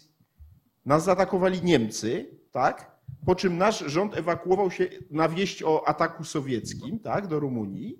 I Rumuni nas internowali. Dlaczego? Bo po prostu bali się Niemiec, ponieważ wpływy niemieckie w Rumunii były znacznie silniejsze niż francuskie czy brytyjskie. Proste. Więc tu nic byśmy. Polsce. Ale myśmy mieli gwarancje przecież brytyjskie i to nam nic nie dało. No. E, Dobrze, ja muszę jednak przerwać tą e, u- uroczą wymianę zdań. E, I teraz, e, ale, ale żeby też to, te pana pytania nie były takie, nie poszły jak, te, jak strzały z aurory, tak gdzieś, prawda, ślepakami, to ja tak mam jeszcze je- jedno e, generalne tylko pytanie, bo to też jest ważne pytanie w kontekście całego festiwalu dla, dla mm, gości dzisiejszych. Jak e, to wydarzenie, e, czyli zamach majowy i przyjęcie na autorytarne, dyktatorskie, jak, jak już tu niezależne teraz od, od definicji władzy przez Piłsudskiego, wpływa w, w waszym po- pojmowaniu jego postaci, jego całej biografii na ocenę e, jego, mm, na, na jego generalną ocenę, tak? Bo rozumiem, że na przykład profesor Badziak będzie tutaj znany krytyk, więc będzie mówił, że, że może waży, waży, waży bardzo poważnie. A pytanie, pytanie znamy całą, całą biografię Piłsudskiego, tak? Wiemy, wiem, znamy jego dokonania. Na ile ten zamach majowy waży którą stronę jego biografii? Teraz milczącego Piotra Zarębę chciał zaktywizować. No, to, to mam wrażenie, że w świadomości większości Polaków y, to, to on nie jest dyktatorem, jak sam zresztą to powiedziałeś jakiś tam czas temu. Z tego punktu widzenia nie waży jakoś zasadniczo, a rozumiem, że ja mam powiedzieć, jak mnie się wydaje, czy, czy jak, jak, jak, ja to odczuwam. No nie, no to, to niewątpliwie jest y, y, y, jakaś skaza. No, niewątpliwie te, go, gorsze cechy jego os- osobowości, jego charakteru e, bi- bi- bi- biorą górę, czy w każdym razie odgrywają dużą rolę w rozmaitych decyzjach. Z drugiej strony, no ja powiedziałem, ja nie uważam oczywiście tego bilansu y, y, p- państwa sanacyjnego za katastrofalny, więc z tego punktu widzenia oczywiście można też przyjąć takie założenie, że e, rozwiązania alternatywne byłyby jeszcze gorsze. No i wtedy Piłsudski oczywiście e, wypada na tle tych jeszcze gorszych rozwiązań w miarę sympatycznie, aczkolwiek no,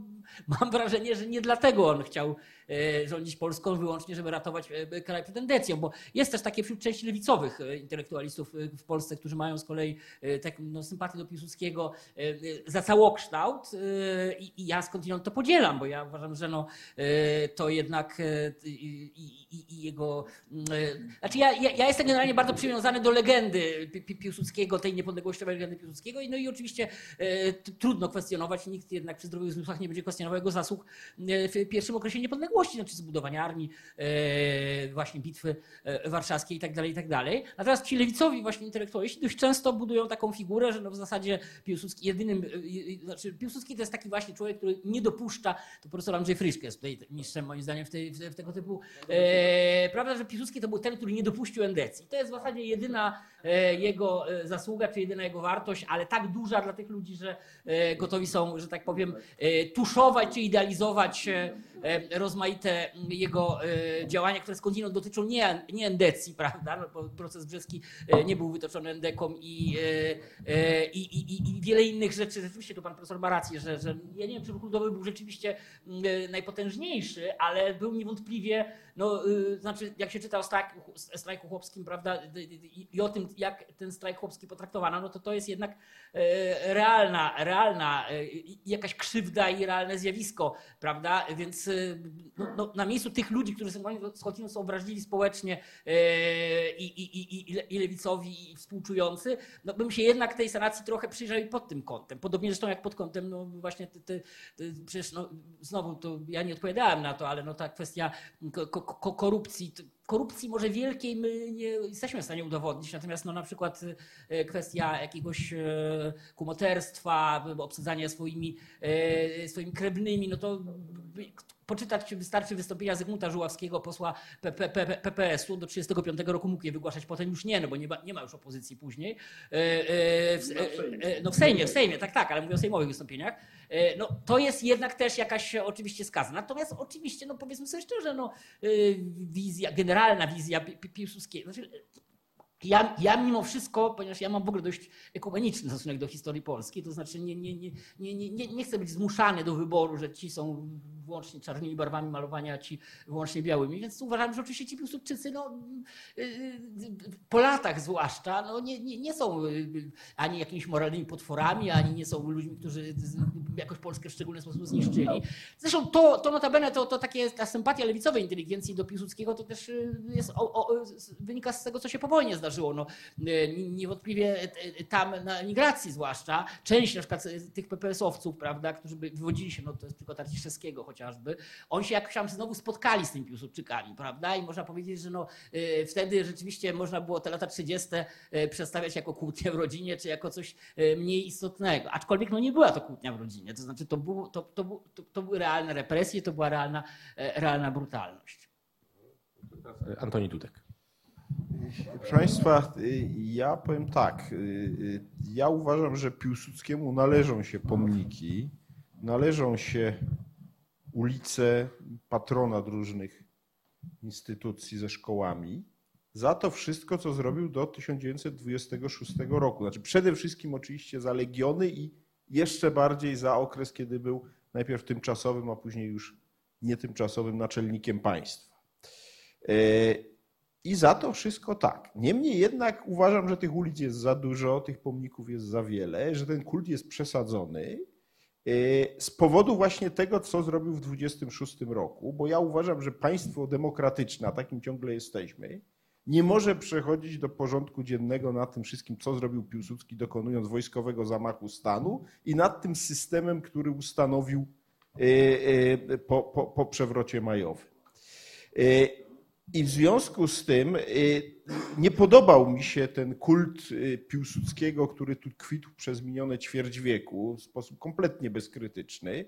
Wielokrotnie próbowałem się temu y, przeciwstawiać, uznając, że to nie, nie jest dobre, bo to, jak powiadam, powoduje po pierwsze uleganie takiemu stereotypowi, o tym już mówiłem wcześniej, że w Polsce ktoś musi być albo bohaterem bez skazy, prawda? Albo może być tylko antybohaterem, zdrajcą, kanalią i tak dalej. Otóż nie, no, Piłsudski jest dla mnie postacią niejednoznaczną, z bilansem pozytywnym, ale jednak też z licznymi sprawami, które go obciążają, głównie pomajowymi, ale tam wcześniej też byśmy znaleźli pewne rzeczy w czasach PPS-owskich, się te różne metody działania nie do końca podobały Piłsudskiego, ale to już nie chcę w te szczegóły wchodzić. E, w każdym bądź razie, w każdym bądź razie do czego zmierzam? Otóż w moim przekonaniu to zaniechanie rzetelnej oceny Piłsudskiego i ten jego bezkrytyczny kult, który istniał w Polsce i ciągle istnieje, moim zdaniem e, jest jedną z przyczyn, e, powiedziałbym, tego, co być może nastąpi w latach e, przyszłych, a mianowicie rosnącej akceptacji dla różnych form autorytaryzmu w Polsce. No bo skoro Piłsudski tak sobie fantastycznie radził, wziął za pysk tych anarchicznych Polaków, no to analogia nasuwa się dość oczywista. E, I żeby była jasność, ja nie podzielam opinii, że Polska jest na prostej drodze do dyktatury, czy tym bardziej, że już jest dzisiaj dyktaturą. Nie.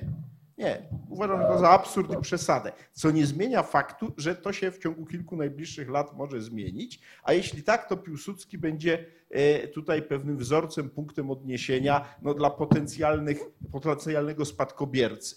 E, I z tego punktu widzenia uważam, że to zaniechanie minionego ćwierćwiecza, polegające na braku rzetelnej, poważnej dyskusji wokół postaci Piłsudskiego, e, no, jest jednym z drobnych, bo to nie jest oczywiście główny, to jest trzeciorzędny, ale jednym z przyczynków do tego stanu spraw polskiej demokracji, polskiej kultury politycznej, który dzisiaj, dzisiaj mamy w roku 2017. Dziękuję.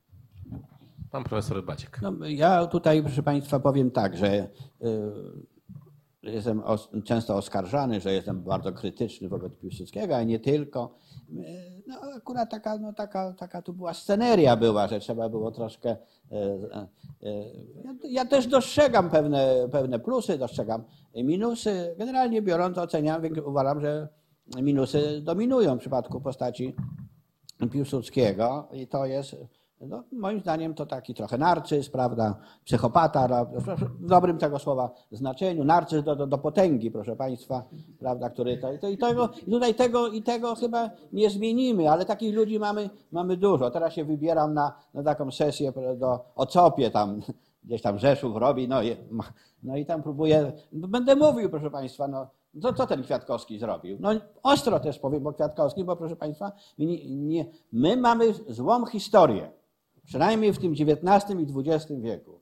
I my próbujemy szukać bohaterów narodowych, żeby trochę, trochę zrekompensować sobie nasze, te, te, nasze błędy w historii, prawda? I mi się wydaje, że tutaj akurat Piłsudski, no, na tle tych innych, innych bohaterów wyróżnia się, no bo miał władzę, rządził, prawda, przechwycił władzę, prawda, i tak dalej, i tak dalej. Ale też musimy, musimy dostrzegać, że że no, nie był człowiekiem, który um, umiał pracować z ludźmi. Był osobą despotyczną, wydającą rozkazy, prawda? I, i, to jest, to jest, takie są czasy w tym XX wieku, że ten, kto, kto prawda, nie, nie pobudza ludzi do dyskusji, nie, daje, nie, nie, nie, nie dąży do wytworzenia programów alternatywnych, ten, ten, ten nie, nie zaistnieje, prawda? Nie zaistnieje, bo te programy no, muszą być trochę pro, programami takimi prospołecznymi. Więcej osób musi w tym, w tym ucze, uczestniczyć. tu jeszcze taki wątek powiem, no, Pan tutaj wspominał o moralności. Wątek moralności się faktycznie pojawił bardzo silnie po zamachu majowym. On, się, on był szczególnie mocno wyeksponowany. O co chodziło? A no, że ten nowy obóz, który teraz zdobył, zdobył władzę, to jest obóz o wielkich walorach moralnych. Oni dali temu wyraz walce o niepodległość, prawda? Walce o legion. To jest, proszę straszny wątek. Straszny wątek. To się tworzy. Ta nowa elita, która objęła władzę po zamachu majowym, to jest właściwie elita, elita y, związana z walką o niepodległość, legionami, prawda?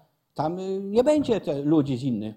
Oni będą, to będzie taka kasta się tworzy ludzi, która tylko będzie podnosiła, że te zjawiska będą, nawet po, po objęciu władzy w 18-19 roku, tych elementów takiej no, walki, walki moralnych nie będzie tam eksponowanych.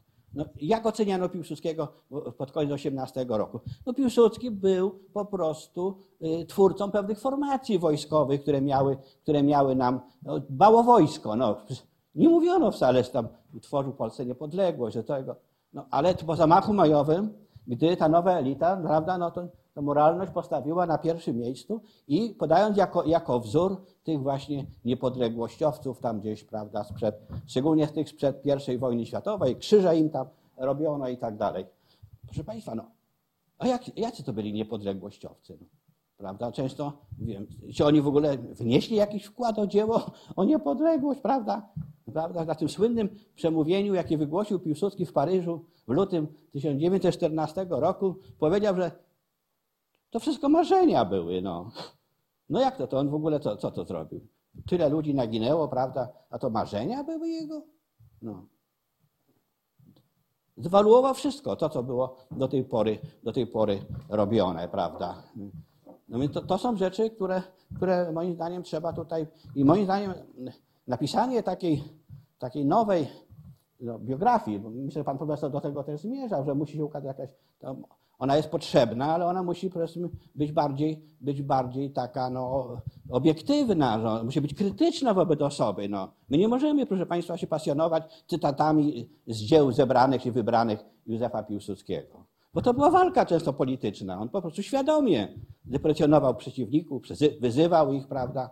Ale to są, to są rzeczy no, takie te, narcystyczne, prawda? On się przedstawiał, jakie on wielkie sukcesy odnosił, prawda? Gdzie takie sukcesy odnosił?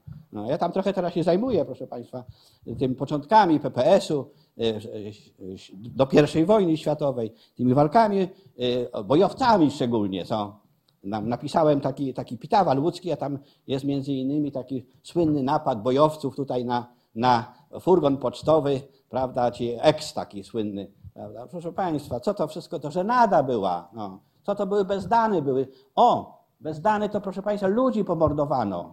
Niepotrzebnie. No. Zdobyto 300, ponad 300 tysięcy y, weksli. I tych weksli w ogóle, w ogóle nie, nie, nie udało się nikt, nikt zrobić. To, co napisał Pobóg Malinowski, to jest fałsz o tym, że bezdane się zakończyły, bo Aleksander Prystor został w Rosji i sprzedawał weksle, proszę Państwa, w instytucjach jakichś tam ważnych, ma- mających. To nieprawda, proszę Państwa. To jest w ogóle w, te, w jest teczka napisem bezdany i tam nic nie ma o tym. Znaczy bank tutaj jeden taką teczkę sobie założył, bo 36 tysięcy yy, weksli, rubli jest. Nic nie ma, proszę Państwa. Wszystko tam bo nie można było, proszę Państwa, w Rosji weksli zrealizować. W momencie, kiedy zabrano te weksle, wszystkie instytucje były finansowe, kredytowe były powiadamiane z wykazami.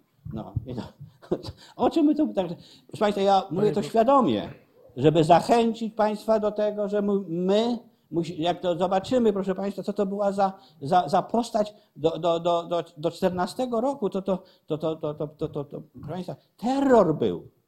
Terror uprawiali bojowcy, no. Strzelano do... Tylko, że ta garstka ludzi...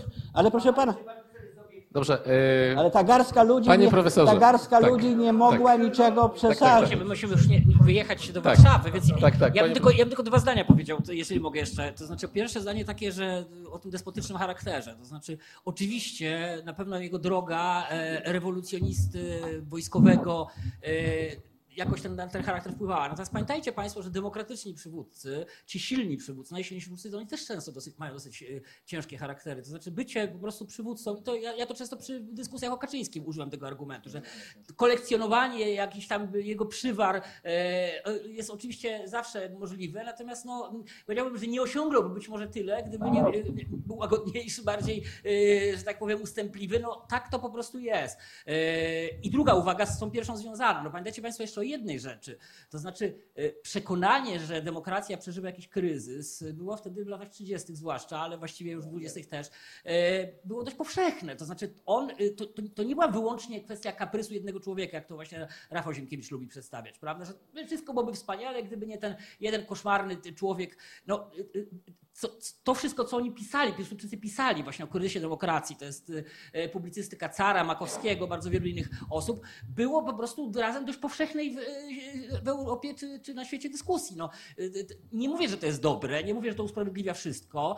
Na pewno bilans jest wart krytycznej oceny. Można dyskutować nad tym, co profesor Dudek powiedział, że prawda, wybieranie sobie takiego patrona ma też pewne konsekwencje dzisiaj, prawda? To znaczy, czy, ale, ale z drugiej strony, no, pamiętajmy o kontekście czasów.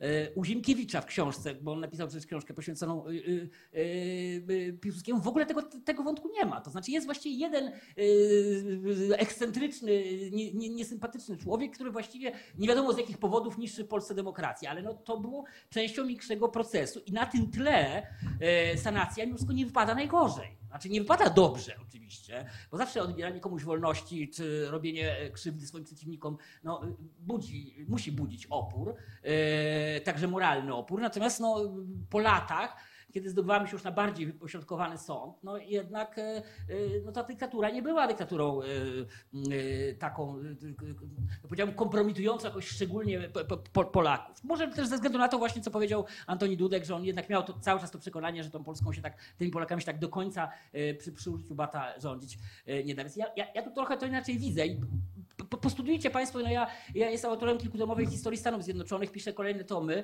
Amerykańscy prezydenci, naprawdę ci najwybitniejsi, byli no, wyjątkowo antypatycznymi typami, byli despotami. No. Franklin Delano Roosevelt, który, który dla Ameryki był dość dobrym prezydentem, nie mówię teraz o jego międzynarodowym, e, e, dla, tak, no ale ja mówię teraz o jakby jego dokonaniach wewnątrzamerykańskich, był sadystą. To zresztą wynikało z, że tak powiem, jego kalectwa, ale e, znajdował przyjemność, że tak powiem, w dokuczaniu ludziom, ba- bawił się ich losami i tak dalej, tak dalej. Jest to jak najbardziej demokratyczny przywódca. Więc jakby ostrożnie trochę z takim przekona- przekonaniem, że e, e, to są strasznie fajni ludzie. E, Dobrze, szanowni państwo, tak, musimy kończyć. Ja tego się bardzo cieszę, że na końcu pojawiły się też te wątki na temat spadkobierców, bo już teraz chciałem państwa tylko, tylko słówko zaprosić na kolejne spotkanie 23 listopada. Będzie temat e, Piłsudczycy bliżsi i dalsi. Będziemy mówili o spadkobiercach, nie o, o Kapenie na przykład między innymi, będzie gościem e, Leszek Moczulski między innymi, więc zapraszam, zapraszam, on ma dopiero poglądy na marszałka, więc, więc zapraszam pa, państwa. Tak, e, bardzo serdecznie, ale też oczywiście wróci ten wątek, tutaj dzisiaj do niego wracał Piotr Zaręba, Jarosława Kaczyńskiego. No i Jarosław Kaczyński ze swoją polityką jest w jakimś sensie, e, e, czerpie z, z tego dorobku Piłsudczykowskiego. Ja tylko chciałem też tym, tym samym postulatem, co profesor Dudek, zakończyć, że przy okazji zamachu majowego pomyślmy czasami o prezydencie Wojciechowskim, bo to był człowiek, który przy tej ro- rocznicy naprawdę warto o nim wspominać, bo to on wtedy wykazał się e, moralnością. Dziękuję.